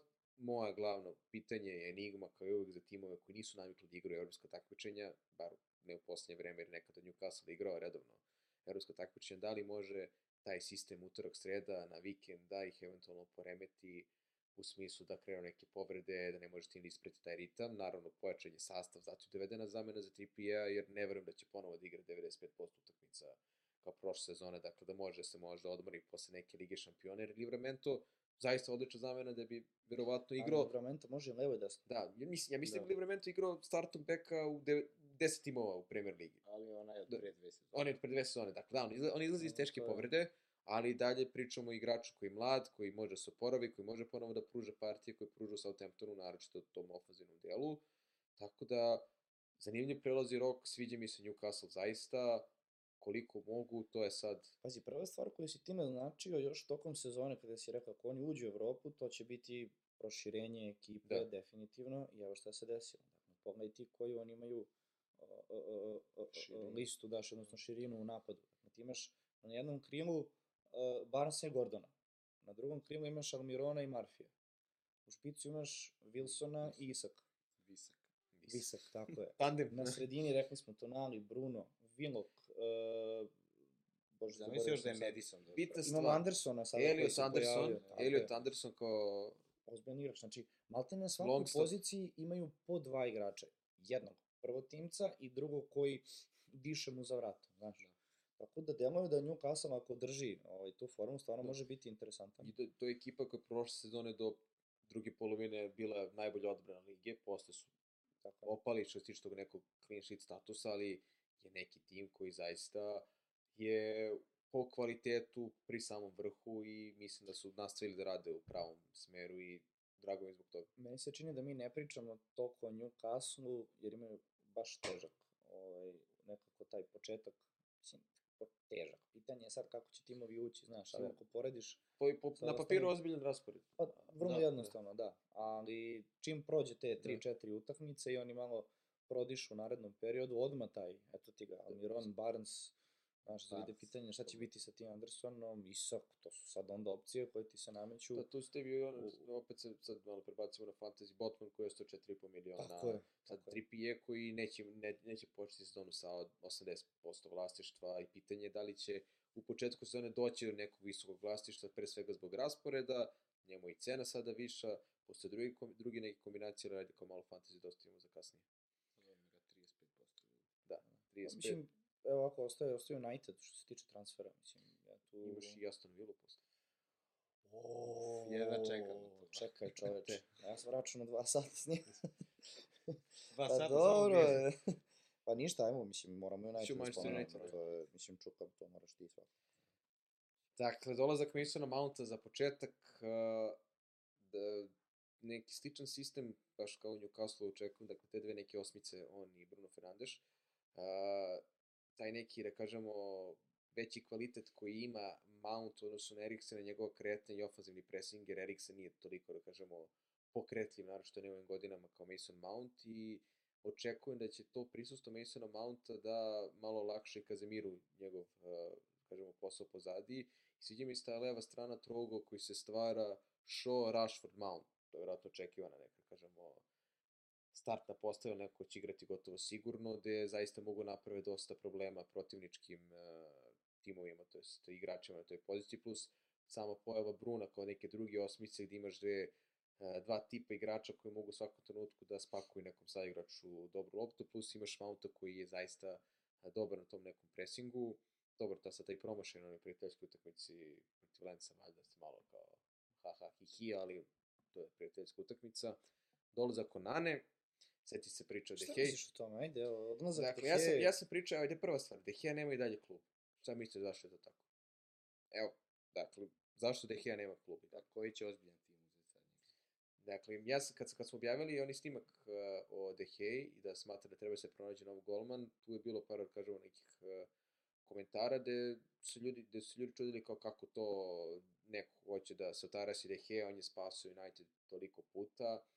Njegove, da kažemo, ti kvaliteti same odbrane i spašavanje gola u tim nekim situacijama 1 na 1 su neosporni, bez obzira što imao kikseva, da ne pričamo o finalu FA Kupa i drugih, i nekim drugim stvarima, ali ovde pričamo o Ten Hagovom sistemu, gde on kao igrač, gde ima vrlo limitirano poznavanje igre, to je sa, sa loptom nogama, dakle, da ne kažem da mu je to užasna karakteristika, u tom Ten Hagovom sistemu je previše navrata kočio organizaciju napada kako Ten Hag teši. Ti si već sad mogao da vidiš u startu gde Onana sa loptom iznosi, izlazi šestesterca, može bude neki treći štoper da ne kažem, pa pivot ili libero što god. Dakle, tip igrača koji može dodatno da rastereti iznošenje lopte napred, da ne pričamo o dugim pasovima, dodavanjima u protivničku polovinu terena, jeste primio sada gol uh, sa pola terena, ali to je ipak neki koncepcijski rizik koji United mora da nosi sa sobom, da bi Ten Hagov sistem od golmana pa do napadača mogu da funkcioniše.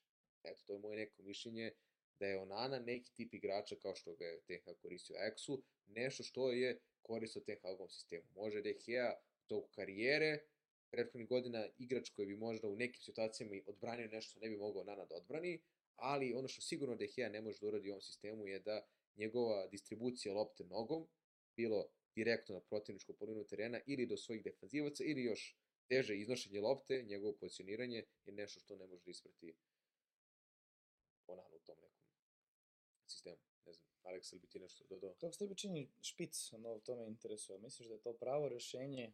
Pa, oni su pokušali da nađu igrača poput Halanda. Bukvalno, skoro je su iz iste države. Malo su slično i pre, preziva. Sad da, ide isto, pa, da. sad ide Ali ne volim, ne volim to već poređenje, jer nisu ni blizu, ni kvaliteta, realno. Dobro, da, mislim, tek je on treba se dokazati. Doveli su igrača, on je povređen, ne znam, sad koliko je da. odsutan. Mislim, je čudno. Neko je napisao kao dovedeni igrač plaćanje skupo daje 9 golova Atalanti. Nešto. Mislim, to je onako laički pristup, da. ali očigledno tržište tako ili Ten Hag toliko zato Hojlunda kao nekog uh, igrača koji je neophodan da je Atalanta uspela da uzme zaista odličnu sumu novca. Da, to mi je slična mm. priča kao s Antonim. Prvo 40 miliona, odjednom 100 plati. Ovo je sad bilo jedno 50, 85 plati. Mislim, to je uvek United ista priča, ali ima on kvaliteta onog, kažem, kao i Jackson, Darwin i Haaland, znači da napadne taj prostor, da utrči. Sad, pošto nisam puno gledao Atalanta, ali sam vidio neke vide da on zaista puno promašuje, čak i gorije nego Darwin po tom pitanju, ali ako to sedne kako treba i on počne da daje goleve, ne sumnjam uz Bruna i za Rashforda, Sanča, Mounta, ne vidim zašto on ne bi imao dovoljno šansi da postigne što više goleva, a i mladi, znači on treba mu možda jednu godinu dana da se privikne i na Premier ligu i uopšte na, na svoj tim. A, realno puno je para, ali ja kažem, kao i za Rajsa, ako oni stvarno misle da je on igrač koji im treba, to nije puno para.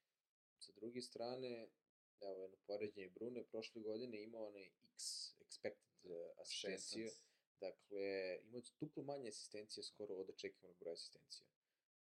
Što može nama da da neko kažemo, naznaku da Hojlund ako bude imao dobar instinkt pravog napadača, se postavlja na pravo mesto i da dočekuje Brunove lopte, a sada će imati Mountove lopte, imaće i veću opasnost na krilima, da može bude igrač e, koji zapravo zaista je sposoban da postigne 15 plus golova, pod uslovom da je zdrav, jer doveden igrač koji ne može početi sezonu, što je malo onako isto Čudno, zaista. degutantno, da se saznaje, pot- znači, ništa se ne priča o njegovom zdravstvenom stanju, ide predstavljanje, klu, predstavljanje igrača, jedno vidi informacije ipak neće početi sezonu, jer vuče neku povredu iz Atalante.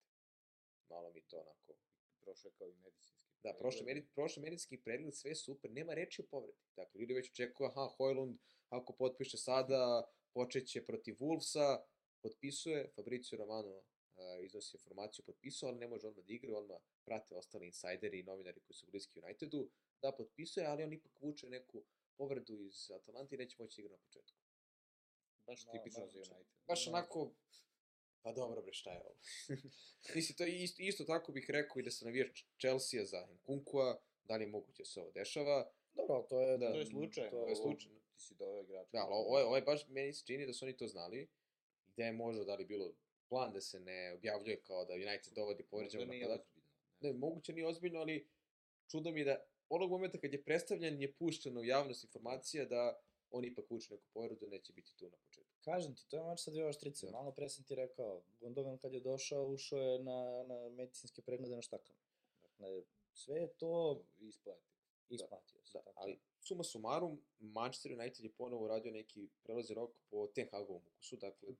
dozvolili su da trener bira svoje pojačanje, dakle da se ne vjeruju toliko ono marketinški sad juriš Ronaldo po svaku cenu da bi eto, doveo njega, imao njegov dres, prodaju što god, dakle doveden je Mount, doveden je Onana, doveden je Hojlund, verovatno će biti olakšan posao sredini terena, pre svega Kazemiru uz uh, Mounta, imaju konačno pravog napadača, što je nešto što je falilo ipak Manchester Unitedu zaista, samo da on bude zdrav i da se sve te kockice poklope, doveden je golman, odbrana nije previše za sad uh, dirana, oporavljeni su i Martinez i Varane, dokle god su oni bili zdravi, ako se možete setiti, oni su imali zaista dobru statistiku još od kad je to bio Kazemiro, jedan od boljih odbrana lige su bili, onog momenta kako su oba štopera ispala iz stroja, tako je i odbrana Manchester Uniteda popustila, što je, mislim, je logično. Bilo koja ekipa dostane bez dva startna štopera, verovatno će popustiti ta neka statistika. Sad je tu, sad se tu postavlja pitanje da će Maguire da pređe u West Ham, ali to je već sad neka, da kažemo, treća, četvrta opcija u Manchester Unitedu, ali oni u ovu sezonu ulaze, pazi simptomatično sad, i Manchester United i Arsenal i Chelsea ulaze u sezonu bez projektovanih prvih e, napadača. To je jedino, Jackson je trebalo da bude prvi špic, verovatno svako u Chelsea, ali bez ozbiljnih uh, igrača koji su tu u bitnoj rotaciji. Zanimljiva stvar. Interesantno. Ocena Uniteda? Pa, Onana je onako tempirana bomba. Sad. De Gea je otišao i ti si izgubio u njemu kao... Sa pragmatičnog, ne egzotičnog. Da, ne, kao, sad imaš igrača koji zna da dodaje, koji može da učestvuje u igri, a, Onda mu Kane da gol sa pola terena Da. kada izleti. i, a ili, ne znam, nešto će poludeći odjednom napraviti neku glupost, ili ne znam, nije to dovoljno dobar u branjenju kao De Gea, a imao si to golmana koji, znači, bukvalno su dva kon, kontra, u kontrastu, znači, potpuno obrnuta golmana, tako da, Mounta ne volim kao igrača, zaista. Tako da, evo, do sada svi pričaju kako on nije se nešto snašao na pripremama, da li će se uklepiti, neko za Hojlunda sam rekao, znači, sva trojica su mi neko mačka u džaku. Znači, možda bude dobro, možda ne bude, ali ajde, Ten Hagu verujem od početka, zato što je odličan trener, zato što, eto, i on je neki, kao da kažemo, Pepov učenik. Tako da, ajde, ako mu verujem, dao bi neku šesticu, sedmicu možda. Zaista. Ja iskreno isto verujem. Ja sam čak ubeđen da je tek spreman da primi jedan do dva gola po sezoni na neku, neki kiks Onane ili neki kiks njegovog tima. Zapravo ovaj gol koji su primili protiv Valenca je više bio kiks odbrane nakon izlaznog Da. Onaninog dodavanja, da je odmah izgubljena lopta. Dakle, nije on dodao direktno igraču lopte, da je Onana u tom trenutku bio na nekih 20-30 metara i da je to igrač Valenca iskoristio. Dakle, ne mora tu Onana nužno da bude krivac ako se budu primali takvi golovi, što naravno to može bude jedan do dva gola po sezoni, inače bi već bilo jako sumnjivo. Ali mislim da je Ten upravo spreman da zarad svog sistema koji on uspostavio, koji deluje mnogo bolje nego na početku prošle sezone, ako se setimo kako ono išlo 4-0 Brentford, 2-1-2 Brighton na svom terenu, da, je, da to može da se istrepira i da liči na nešto. Da li su spremni da se bore za titulu sa Manchester Cityjem i verovato sa Arsenalom kao drugim glavnim konkurentom, ne mogu to trenutno da kažem, jer eh, je tu jako bitno da Manchester United sa igrači koji su tu ključni ostanu zdravi, jer se prečesto, prečesto dešavalo da Rashford ima problema sa povredom, da se štoperi glavni povređuju. Dakle, oni imaju neki igrače koji su tu skloni povredama ili da Kazemiro ima žute minute pa da dobije crveni karton. Dakle, tu United ako ostane bez svojih nekih defanzivnih okosnica, on novo trpi. Dakle, neki drugi tim može, može da popuni rupu, City može bez jednog bitnog igrača da odigraće, Pep uspeti da nekako niveliše te nedostatke, ali se plašim da samo Manchester United ne ostane bez nekog kvalitetnog bitnog igrača, ali svakako očekujem da budu top 4. Mislim da imaju kvalitet za to i da će definitivno biti u najgorom slučaju četvrti. Borba za titulu očekujem da budu konkurenti, da li će budu glavni kandidati uz Manchester City i vratno Arsenal. Ajde da sačekamo da prođe deseta kola, da se Moraju da poprave formu u gostima. Prošle sezone su uzeli jedan tipa, mislim, 20 nešto boda u gostima i kod kuće, ako ne računamo net početak, neki gde su izgubili od Brightona, skoro su 85% utakmice pobedili. Znači ako poprave tu formu gostima, možda mogu da se nadaju nekoj borbi za titulu, ali treće mesto opet ove sezone realno i to nije strašno za navijače United ako budu treći.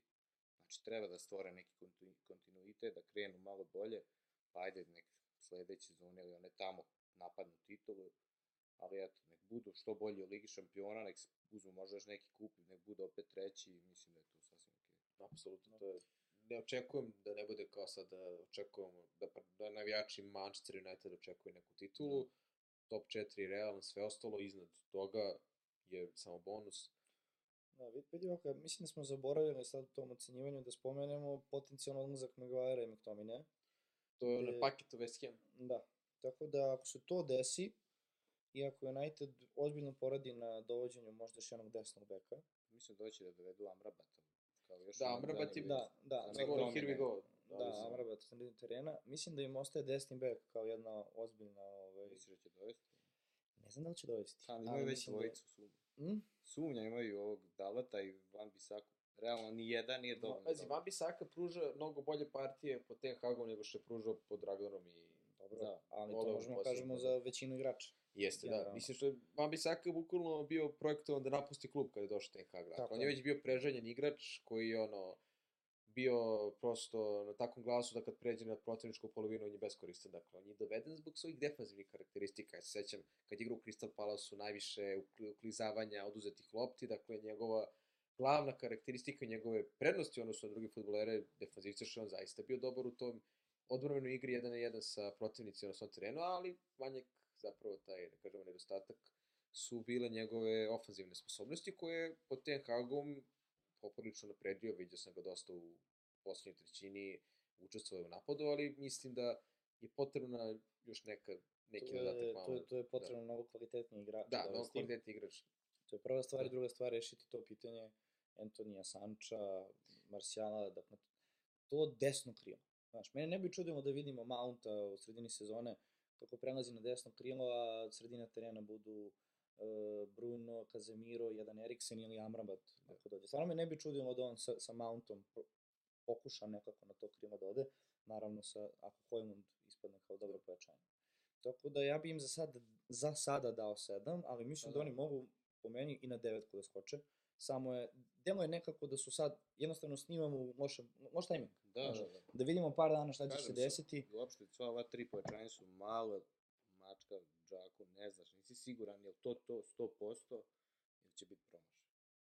To najviše misli za Mounta i Hojlanda, a nije, ne bi me začudilo da Onana bude, ne znam, teški ludak koji će pravi probleme, ali mi se sviđa njegov temperament, on je odmah od starta, ne znam, mislim, imao nešto s Maguireom, kad su primili nekako bezveze gol, odmah nešto bio ljut na njih, tako da to treba United.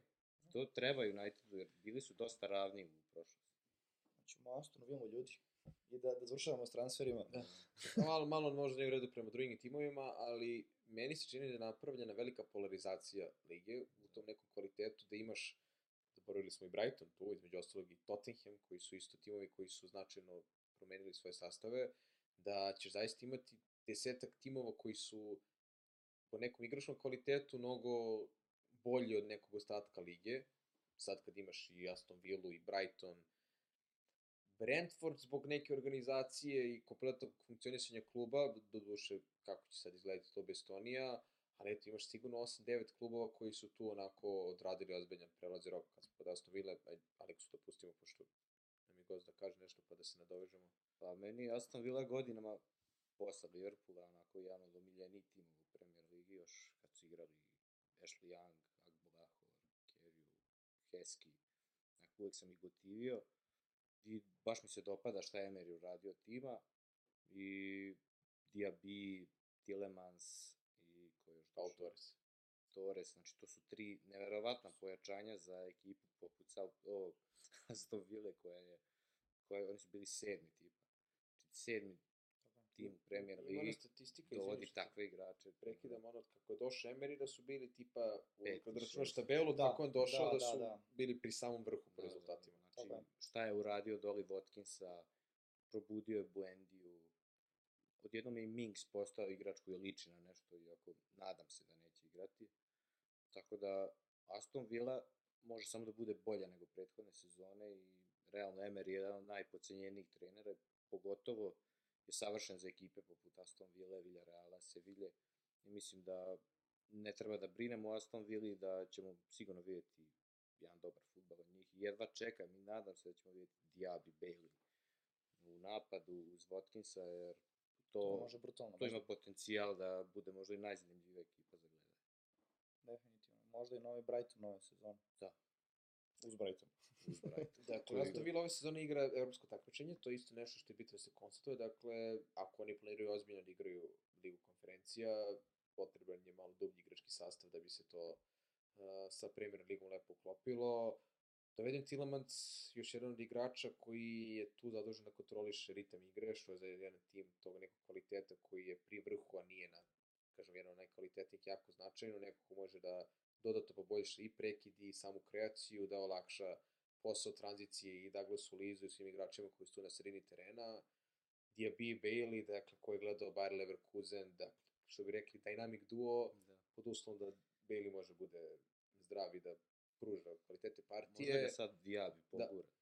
I naravno dolazak Pau Torresa, jednog od boljih levonogih štopera koji je igrao i Villarrealu, dakle... Ozbiljno, ozbiljno štoper. Ne treba Ozbiljno. zaboraviti ni Diego Carlosa koji Da. ima onu Diego povredu Carlos i koji nije igrao celu sezonu, dakle, pre svega da se vraćamo na to koliko je, po mom mišljenju, Emery jedan od najpocenjenijih trenera u Evropi.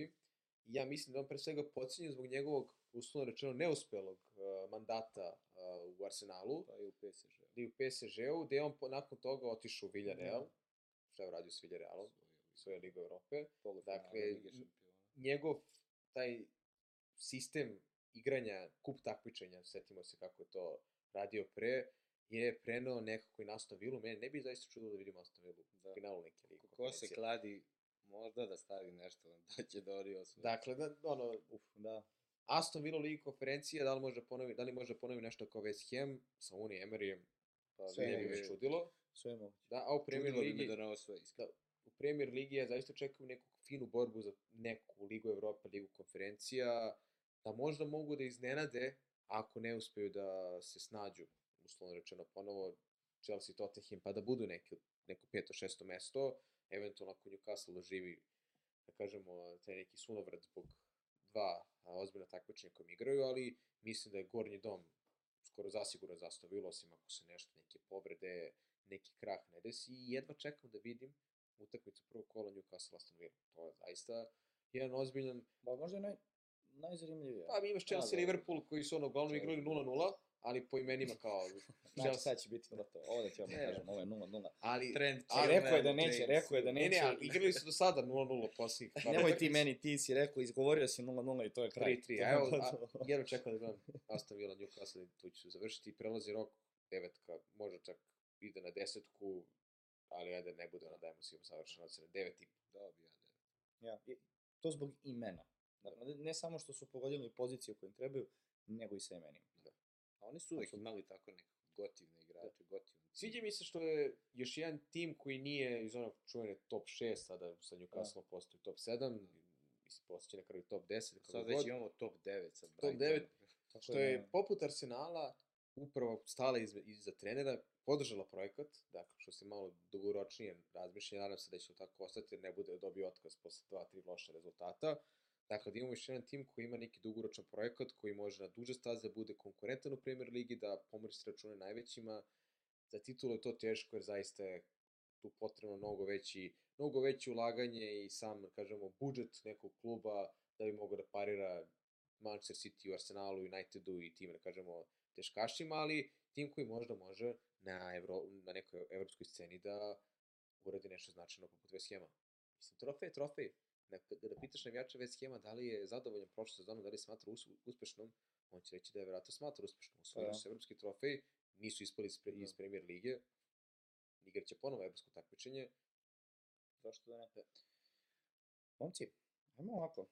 Nešto zašto ćemo da se vraćamo u toku sezone i da se smejemo jednim drugima, a ti imaš tu ovaj, privilegiju da ćeš ti biti jedini koji će da predviđa tako nešto, jer će do sledećeg gosta već početi sezona.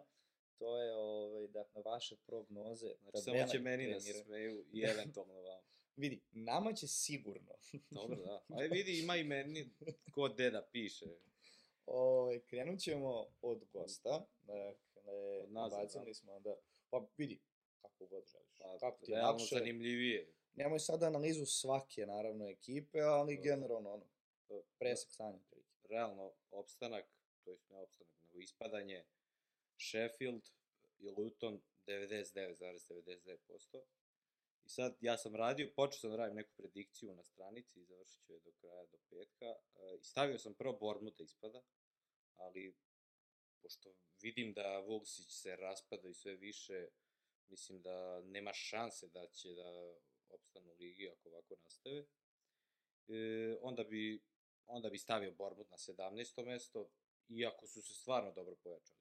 Ali, kažem, uh, Onila su, Onilu su dali otkaz i to mi se nije dopalo, jer čovjek uskočio u, realno u jednom trenutku kada oni gube, ne znam, 9-0 od Liverpoola i on sad treba nešto tu da menja i on, oni opstaju u ligi i nešto opstaju, nego su lagano ostali, dobili Chelsea i mamučili Arsenal, onu utakmicu dobili Liverpool po kući, znači postali su jedna ozbiljna ekipa i okej, doveli su jednog trenera koji je verovatno i bolji, ali ne znam, meni se to nije dopalo kako su ga se rešili, pa eto, dajem zato, voleo bi možda čak da ispadnu, ali doveli su dobre igrače, Kerkeza pogotovo, gotivim, tako da mislim da će ipak da ostanu. E, onda Barnley, realno, Barnley je ovaj, bio najbolji tim u čempionšipu i vidim da, ne vidim kako neće ostati, jer kompani je realno dobar posao napravio, dosta ih je promenio, tako da onda ima Everton 15 i nemam šta puno njima da kažem, opet će se nekako izvući, realno Sean Dyche je navikao da sačuva takve ekipe poput Evertona, jer, Barnley je godinama sličan posao radio. Nottingham Forest je neki tim koji me je najviše oduševio pred kraj sezone, jer su uh, odigrali zaista, imali su jedan na kraju dobar period kad su i Arsenal pobedili, tako da mm, mislim da će biti ove sezone dosta bolji, imaju dosta igrača, tako da neko 14. mesto je vrlo očekujem to neko 14. mesto. Crystal Palace izgubio je Zahu, izgubio je, pa dobro, izgubio Lise, vratno do oktobra, ako ne, možda i do kraja, mislim, možda i ode iz tima, tako da mislim da će im trebati malo vremena da se uigraju, ali neko 13. mesto je sasvim solidno i mislim da će biti tu. Fulham 12. E, vidjet ćemo šta će biti sa Mitrovićem, ako Mitar ostaje, mislim da mogu da budu tu negde pri vrhu tog donjeg doma, ali ne mislim da mogu bolje od ove pozicije, tako da 12. mesto. E, West Ham 11. Realno, nisu mi za gornji dom, a pri vrhu su mi ovog, da kažem, donjeg doma. Mm, moje mislim da je tu neko ko najviše koči, jer e, mislim da ne igra dovo, nema dovoljno ofazivan futbal u sebi da bi izgurao te igrače, tako da da, baš su mi daleko od ovih ekipa u top 10. Brentford 10, jer jeste da nemaju Tonija, jeste da im fali, će im on sigurno, ali mislim da, je, da su već dovoljno dobar tim i bez njega, pogotovo što su Visa i Buemo odličan tandem i pred kraj prošle sezone kad nije igrao Toni, oni su obično pobeđivali, čak su i City dobili, tako da mislim da su oni tu najsigurniji za deseto mesto i da će predvoditi tu drugu grupu, a da ovih top 9 da će se oni izdvojiti.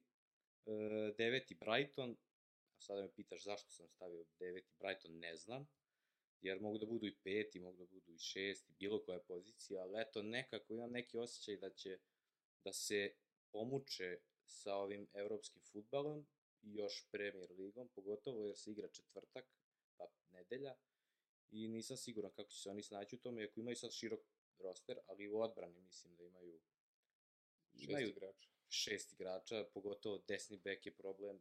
Sad su doveli ovog štopera Hulija, Žulija, Igora i ne znam, nisam siguran da će moći defanzivno da izdrže to.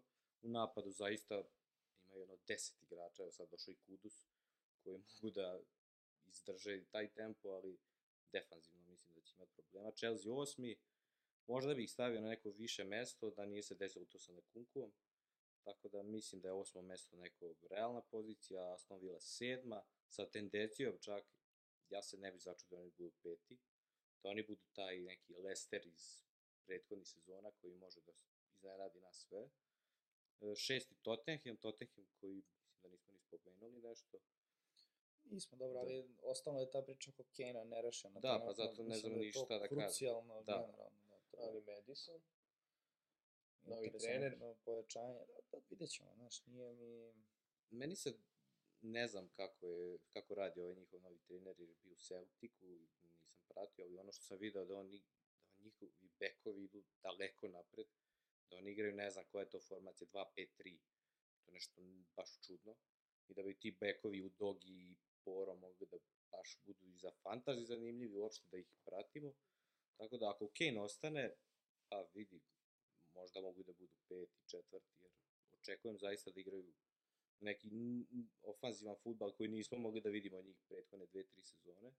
Newcastle peti, mislim da je to maksimum njihove sezone, iako jesu prošle godine bili četvrti, mislim da ipak da će Liverpool uspeti nekako da uz sve zdrave igrače dogura to je četvrte pozicije, rekao sam već zašto četvrti, treći United, rekao sam isto, mislim da je to neka realna pozicija za njih ove sezone i da ne treba navijači da budu razočarani ako budu treći, Arsenal drugi, mislim da će moći da pruže veći otpor nego prošle sezone, mislim da su oni najveći konkurenti za City, ali mislim da će City uraditi to na neki način, nemoguće da četvrti put za redom osvoji, tako da, eto, to bi neka tabela bila. Dobro, lepo. Hoćeš ti Nikola ili? Ja. Meni sve jedno, možeš ti kako hoćeš. Dakle, imamo ovako sličnu tabelu, ajde ja da počnem od vrha.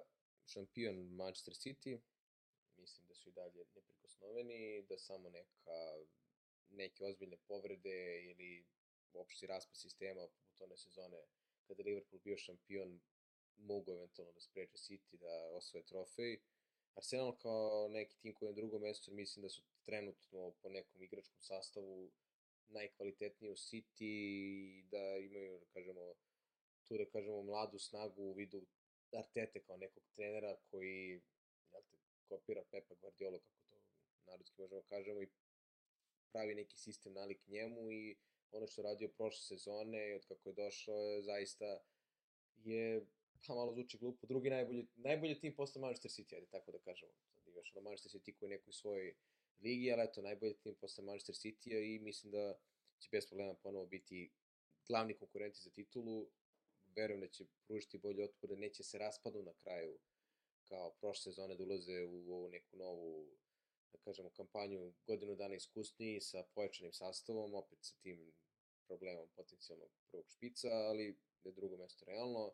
Treće mesto to takođe Manchester United, nešto kao što je Alex rekao, smatram da je realno da budu na tom mestu, da to ne treba bude razočaravajuće za navijače Manchester Uniteda.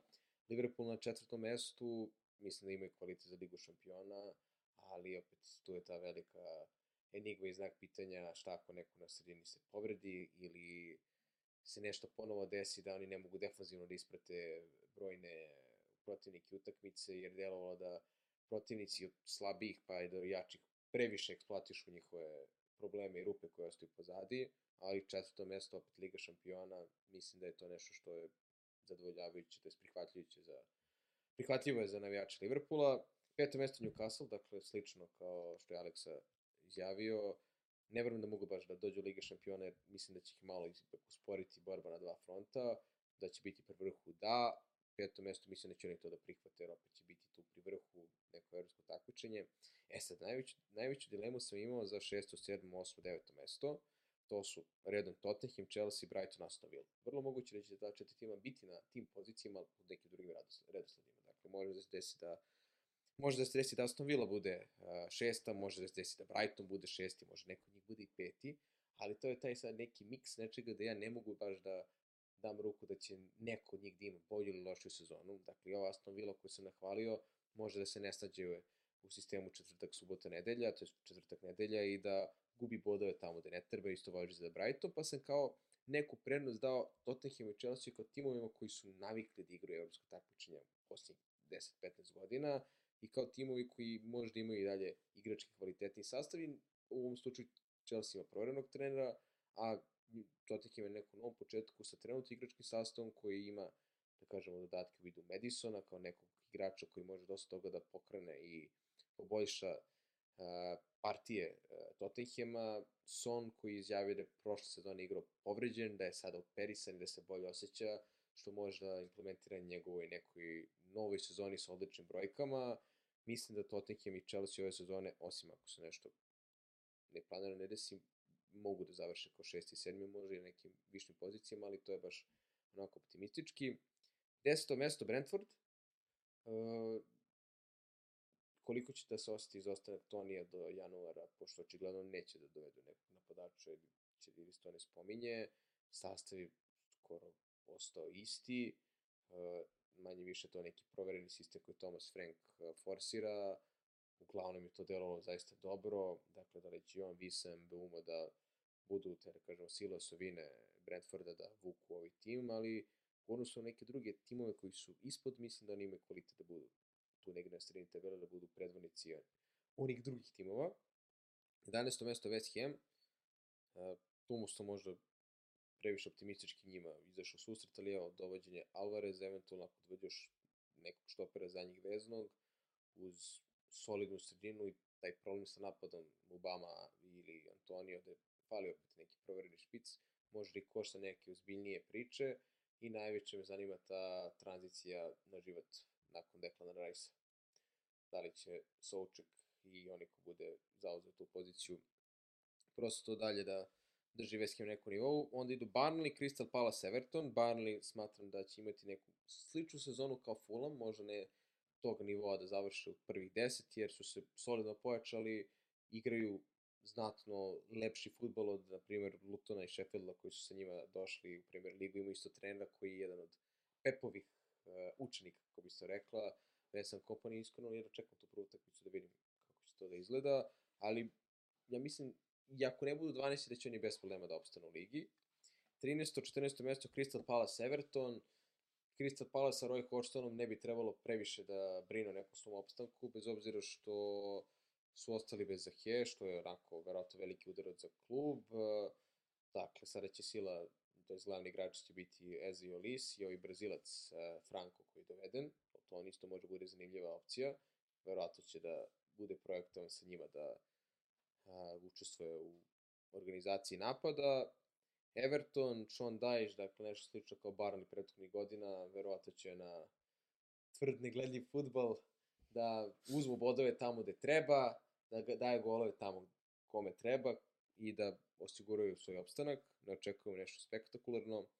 Fulham na 15. mestu pre svega jer su ostali bez Manara Solomona, ako ostanu bez Mitrovića, to isto može da bude ozbiljan udarac, gde mislim da ne mogu da ponove tako dobru sezonu uglavnom uh, oni povratnici iz Championshipa ili timovi koji uđu u Premier ligu nakon prve odlične sezone padaju i to je gotovo nepisano pravilo, dešavalo se brojnim timovima, seti se Huddersfielda, seti se Sheffielda, koji je nakon sjajne sezone ispao. Ne verujem da Fulham može da ispadne, jer zaista imamo Luton i Sheffield koji su mnogo, mnogo manje kvalitetni, imamo i Wolvese koji su problemima, ali mi deluje da Fulham ove godine neće biti u prvih 10, da je neko 15. mesto optimum. 16. mesto i 17. te 16. Nottingham Forest. Uh, da li će Brennan Johnson ostati u klubu, ne znam. Tu je, da kažemo, ta neka okosnica sastava ostala. Bet Turner će vjerojatno postati njihov prvi golman, pa eto kao neka opcija od 4 miliona, ali mislim da sa onim likim igračkim kadrom šta su sve dovodili i prodavali, mislim da mogu da opstanu. 17. mesto Bournemouth, uh, i Raulu smo malo i mi skautirali kada smo išli u Španiju na našu turneju, ispratio sam i ja partij Raja Valjakana, ja od Bournemouth očekujem zabavu, dakle, primaću i novog golova, vratno će davati, dakle, to je taj organizovani haos koji Rola voli da implementira u njegovim timovima, dakle, mnogo dodavanja na protivničkoj trećini, mnogo presinga, dakle, ako to pukne u Premier Liga, ako neko njih razbije, da, ta, da probiju taj probiti pressing, mogu da prime 5-6 golova, ali mislim da oni s takvim stilom igra mogu ove slabije ekipe, makar na njihovom stadionu, da dobijaju. Mislim da je opstanak relativno izvestan, da je to neko 18. mesto, bez obzira što je tik uz zonu ispadanja neka realnost. I onda dolazimo do Wolvesa koji su tu u posljednjem trenutku skočili 18. mesto, upravo zbog haosa koji vlada tamo. Lopetegi hoće da napusti klub jer zaista nije dobio pojačanja vrata kako je želeo. Kunja je plaćen koliko je plaćen, otišao je Ruben Neveš, Collins je otišao, dakle, dolazimo do toga da Wolvesi bez jednog zvučnog pojačanja otišao je Raul Jimenez, bez obzira što i on u posljednje dve sezone do ne povrede stagnirao, dakle, tim bez investicija, još ako ostanu bez trenera, zaista deluje da će da se bore za opstanak i na kraju Sheffield i Luton kao timovi koji zaista nemaju kvalitet za Premier ligu, niti mi deluje čak da se oni Bog zna šta, da oni Bog zna šta očekuju od ove sezone Premier Lige. Dakle, ako Sheffield prodaje Barneyu Berga, Bergea, dakle, prodaju nekog svog igrača koji je prvi timac, nekog konkurentu za opstanak, ako prodaju najboljeg napadača, tik pred početak sezone bez neke adekvatne zamene, saista sumnjam u ambicije takvih klubova. Luton kao Luton, mislim da i da su hteli da dovedu da pojačaju sastav, ne bi, ne, nisi nisu imali financije da isprate, niti da zadovolje određene igrače koji bi igrali za Luton. Biće zanimljivo gledati utakmice na njihovom stadionu zbog jel te, takve pozicije, ali Sheffield Luton mislim da 99% ljudi koji prave ovakve procene ih vide kao putnike nazad u Championship. Da. Pa dobro, meni je ostao stvarno ovako posao, jer vaše dve analize, odnosno komentari ekipa, šta ti možeš tu da dodaš specijalno, uh, neko bi pomislio da smo zajedno pravili ovo i da smo se, ono, igrali, ajde ti stavi na peto, ja ću na šesto, ti ćeš na sedmo. Svi, svi muškarci su isti. E, ništa, ako promašimo, mogu svo trojice odjednom da pljuju. Da. Tako je, tako je. Mislim, kad generalno... ono, Luton bude 12. ispadne West Ham, ne znam. Da. Luton ako bude 12. to će da, biti da. bajka ove sezone. Da. Ali, da, uh, ako idemo ajde do, do, do 20. pozicije, to nam je, ako se ne vrem, isto čak. Dakle, Luton 20. Sheffield 19. i Wolverhampton 18. mesto zakucani, to, to, to delo je definitivno da je tako.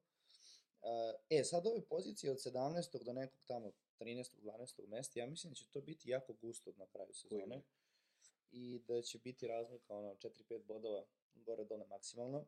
Uh, Bormut na nekom 17. mestu, mislim da ti to lepo rekao, će imati tamo onoliko koliko im treba da, da, da prebace to 18. mesto, ali ne dovoljno da idu ka sredini tabele svakako. A, što se tiče Evertona, stavio sam ih na 16. jer od ovih timova mislim da ću ih najmanje možda i gledati, ostalih, jer to će biti jako, jako mučenje. Ovaj, što se tiče samog ovaj, načina igre, ali verovatno će imati rezultate koliko toliko da, da, da, da isprate to neko 15. 16. pa dobro i 17. mesto, ali mislim da neće biti okruženi oko ispadanja iz lige. Nottingham Forest iznad njih samo iz razloga što igra lepši futbol, malo atraktivniji, pa nekako bi volali da to bude nagrađeno u neku ruku, mislim da će skupiti malo više vodova. Iza njih West Ham, iskreno ne bi me čudilo da West Ham ide i na višu poziciju, ali trenutno mi deluje da su zadovoljni prošlom sezonom, da su prodali Rajsa za ogroman novac i da je to ogromna rupa, da nemaju konkretne pojačanja koje, koje, koje mogu da popune zapravo tu rupu i taj Alvarez koji dolazi, mislim, to je sada pitanje da li on može da, da, da zameni Rajsa, koji je definitivno uz Kazimira, Rodrija, Mojzesa Kajseda, manje više su bili definitivno kičma premier ligi. Dakle, to je bio neki krem de la krem prošle sezone, definitivno. Ove, pored toga, očekujem do, dosta, dosta dobre partije od Barnlija. Voleo bi da se oni pokažu. E, dobra prošla sezona u čempionšipu. E, jako lep stil futbola. Očekujem da neće imati problema sa, sa opstankom. Svakako, ajde neko 13. mesto, jer neko mi delo je to ići na 12. 10. 9. To je sad stvarno već iza njih. Mislim da je ono, apsolutno bajka, a da budu na nekim nižim pozicijama može, kažem, to je ono dva, tri boda razlike na kraju sezone maksimalno. Pritom tu dosta i zavisi u krajnjem slučaju uh, uh, uh, oni kad prosto vide da li su se odmakli od te zone ispadanja ili koliko se top 10 ili 8 ekipa odvojila od njih, kolike su njihove ambicije. Tako da mislim da će tu, taj, da kažemo, tog nekog 13. do 17. mesta, kako ti kažeš, to sve može da varira, plus 2, minus 2, ali ajde. Od petog do devetog, da, šestog do devetog. Tako je, da. Možda najveća razlika nam je kod Fulama i Crystal Palasa, jer očekujem ove sezone da uh, uh, uh, će imati malo, ajde da kažem, uspešniju sezonu nego što smatraš. Ko, Crystal Palace ili Fulham? Pa u odnosu na, na tvoju predikciju, da, ob, obe te ekipe. Ako se ne varam, mislim da sam ih stavio na, na, na, na više pozicije od tebe. Nisam siguran. Ove, ali, pa, to su 11. i 12. mesto, dakle, to je Da. odmah, Kod mene 12-13. pa eto. Mene otprilike Crystal. Palace 13. Eto, to ti je, da. To ti je otprilike to, ali mislim da Crystal Palace ima to dugoročno iskustvo u premier ligi, posebno trener koji tek ima iskustvo u ima premier Stariji od futbola. On, tako je, on tek ima iskustvo. Što se tiče Oliseja, ja mislim, što se kaže, neće on niđe. Da, O, mislim da je to jedna priča da Chelsea da je htjela da ga dovede, bi ga doveli, isto si. da je City htjela da ga dovede, dovelo bi ga on ima Može da dakle, bude neki panic buy. Nikom se neko ko je povređen. Da. Pa, mislim, da. u suštini, on ima tu otkupnu klauzulu i to nije tako visoka cena da je neko hteo da ga dovede, mislim da bi ga doveo. Ove, on će verovatno ostati, po mom nekom mišljenju. Što se tiče Ezea, mislim da je on sasvim, sasvim adekvatna zamena za Zahu. Mislim da će se Crystal Palace zacementirati kod kuće ove sezone. Prosto osjećaj. Kažem, ne, ne bi me čudilo da padnu i dva mesta i da skoče iza jednog gore, zašto da ne? Ali mi nekako deluje cele ove grupice Fulham, Barnley, Nottingham Forest, Everton, nekako im dajem prednost na ime i na iskustvo trenera. E sad, ta polarizacija, top, top 10 i ova druga ovaj, polovina tabele. Deseto mesto, i mislim da imamo istih 10 ekipa u, u top 10, ako se ne varam. Uh, ja sam stavio na deseto Brentford, Mislim da sam Da. isto ja stavio. Gde je meni Aston Villa na devetom mestu. to je čukast. I meni isto. Da, to je se- ovaj... Jel ti Brighton na osmom? E, Nije. Dobro. Ajde, sam stavio na šesto mesto, ali ajde sad da ne preskačemo ovako. Brentford generalno na deseto mesto, mislim da od ovih deset ekipa koje su ostale su stvarno najslabija ekipa, ali opet deseto mesto u premier ligi. Su bolji od ovih Su mi drugih. potpisali da im danas kažeš da deseto mesto da bi potpisali Isti odmah. sekunda, Da. isti sekunda. Ne bi niti sekunda. Ovaj, nakon toga Aston Villa možda, možda, možda ih pocenjujem, ali ajde da vidimo, meni deluje da će taj, da kažemo, neka kombinacija dužine sezone ovaj, ići na ruku više Tottenhamu i Chelsea, da će, ok, sada na početku sezone će možda štucati, ali tamo nek, neko proleće, kraj zime, očekujem da će već malo i oni imati neku sliku otprilike ko kako igra gde, pritom imaćemo i, i novi prelazni rok, tako da mislim da ipak to dosta veći timovi trenutno u ovoj sezoni od, od, od Aston Villa što se tiče same premier lige, ali vidi. Aston Villa završi na petom mestu, meni bi to bilo fantastično. Znači, uopšte nemam ništa protiv Aston Villa, samo eto nekako kad se berem utiske stavio sam ih na to deveto, jer šesto je zauzeto za Brighton. To što oni rade o prošlu sezonu, a boga mi par sezona unazad, mislim da je to ozbiljan kvalitet i da imaju jedan svoj sistem rada i igre, što su dokazali sa promenom trenera koji je došao i na kraju napravio iste sekunde bolje rezultate nego Potter koji je imao već ovaj, Kome smo pričali Iako- kao da je... Mogu je. samo da se nadovežem, izvini što te prekidam, ja sam zaboravio da, da kažem, pričao sam o tome, o Brightonu i Aston Villa, zašto sam ih, nisam, zašto sam ih stavio ispod Chelsea i Tottenham. Oni, ove- oni ove sezone ne igraju uh, u Evropi. Da. Dakle, timovi koji su imaju ozbiljne sastave, dakle, koji ono, su i imaju vjerojatno i veće budžete da mogu sastave uh, kvalitetnije timove, neće igrati Evropu i neće imati te obaveze. I imaš sada i Aston Villa i Brighton, dobro i West Ham, i Newcastle, koji igraju neko evropsko takmičenje. E tu ja vidim blagu prednost Chelsea-u i Tottenhamu da će ih sveži nekad dočekati da će oni više sumaruju. Jedan razloga je. zašto na primjer, meni Tottenham i Chelsea na šestom i sedmom mestu. Pre Aston Villa i Brightona. Tako je.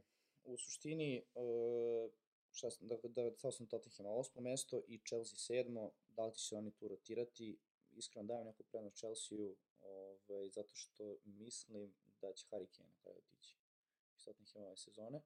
Deluje mi da Bayern München zna šta radi, da im definitivno ali izašla je informacija, Romano je rekao, ili ide do nedelje ili ne ide. Ajde da vidimo. Ne, zamisli imaš ga u timu i ona, subotu ode. ode. Pa. Posle deadline ode. A zamisli, ima, nemaš ga u timu i ne Ostane. ode i Ispakuje dva Dva gola i asistenciju. Da, da, da. Da, Vidi. to će da bude. To je, ja mislim da je to krucijalno pitanje Tottenham ove sezone. Dakle, šta će biti sa, ih stavio Har- sa Harry. Kaneom? Kane ostaje. Da, da, Ako- da, ok. Kane ostaje osvajaju. Ko. Da, mislim, mislim da će on otići na kraju, da je to samo jedna poker igra. Delo mi da je vreme, da je on rekao da, Bayern, mislim, to su, kao ja, ako verujemo Fabriziju, to su proverene informacije. Bayern definitivno im treba špic i mislim da je to ozbiljan futbalski gigant da zna šta radi, tako da ne verujem da će njima tih 10-15 miliona gore dole na kraju biti problem ako je to Nemci u su pitanju. Nemci to. Znaš kako, da, da, se, da se dovode neka druga imena u pitanje ili da koketiraju sa nekim drugim igračima, koliko toliko, pa i da kažeš ok. Ali imam utisak da su se oni opredelili za Kane i da. da će to ići do kraja. Neki moj utisak, zato sam ih stavio Ja na imam. osmo, zbog toga, baš kontra, jel? Da. Dobro, vidi, znaš kako, u pravu će biti samo jedan Ne, za ne, 5-6 imam dana. Ja, imam ja utisak da su spremni da ga kupe, ali tvrdogledi su. Pa vidi, ništa me ne bi čudilo, ali ajde, ajde, živjeli pa videli. Uh, Chelsea sedmo, zato što stvarno ne mogu da ih zamislim. I ovo sedmo im je stvarno Pa, jako, jako dobra da. pozicija, da. Brighton iza njih šesto, to sam već spomenuo. E, to je sad ova borba za top 4 i to jedno mesto ispod peto. Stavio sam, ide isto sledeći godin Lig šampiona zbog ovog novog formata. Tako da, To je novi format koji si najavio pred ovu sezonu. pa da, u stvari, od sledeće sezone, da, ova je se, nova sezona, Da. pa na kraju ide opet nova, da, peto, da, to je interesantno. To sam zaboravio što informaciju. Kako sam ja to rekao, Ti si rekao ove sezone. ove sezone, da, ja sam prešaltao skroz. A, dešava se. Uh, Newcastle peti, zbog upravo Evrope. Ok, jeste dublja postava, više igrača, sve se slažem, ali mislim da će im to ipak ovaj, malo dati ovaj, štucanje u toku sezone. Sad, ovo jedino što se ne slažem, kako sam vidio, vi ste ovaj, svi stavili na treće mesto United, na četvrto Liverpool. Ti si Ne zarotirao. verujem, ja sam tu zarotirao, jer imam neki utisak da će Klopp to da skocka lepo i da kombinacija Lavija uh, Sezbos, Sez, Soboslaj. Soboslaj. Meni je to Sezbosaj. Dominik. Ne znam zašto, Dominik. Mađar. To ne možeš da promašiš, da. Onaj mađa. I McAllister, mislim da će oni lepo da se uklope, ovaj, da će to ličiti na, na tu nekadašnju sredinu terena sa Wijnaldumom i ekipicom što smo pričali. Očekujemo od Diaza da, da se vrati iz povrede, da će imati jako bolju sezonu nego kao što je mogo da ima prethodnu ovaj, sezonu i po. Darwin, očekujem dosta od njega, da se taj pritisak na, na, na, na, na njih malo smanjio, da može da startuje sezonu već da ima neko iskustvo i u premier ligi i da je naučio kako treba da se kreće u klopovom sistemu, ono što si ti rekao, ozbiljne imena u napadu, mislim da im je to glavni adut u odnosu na United. Sad, treće, četvrto mesto za obe ekipe ništa specijalno ne menja. Idu, da. idu u Ligu šampiona, titulu ne verujem da će osvojiti. Na drugom mestu Arsenal,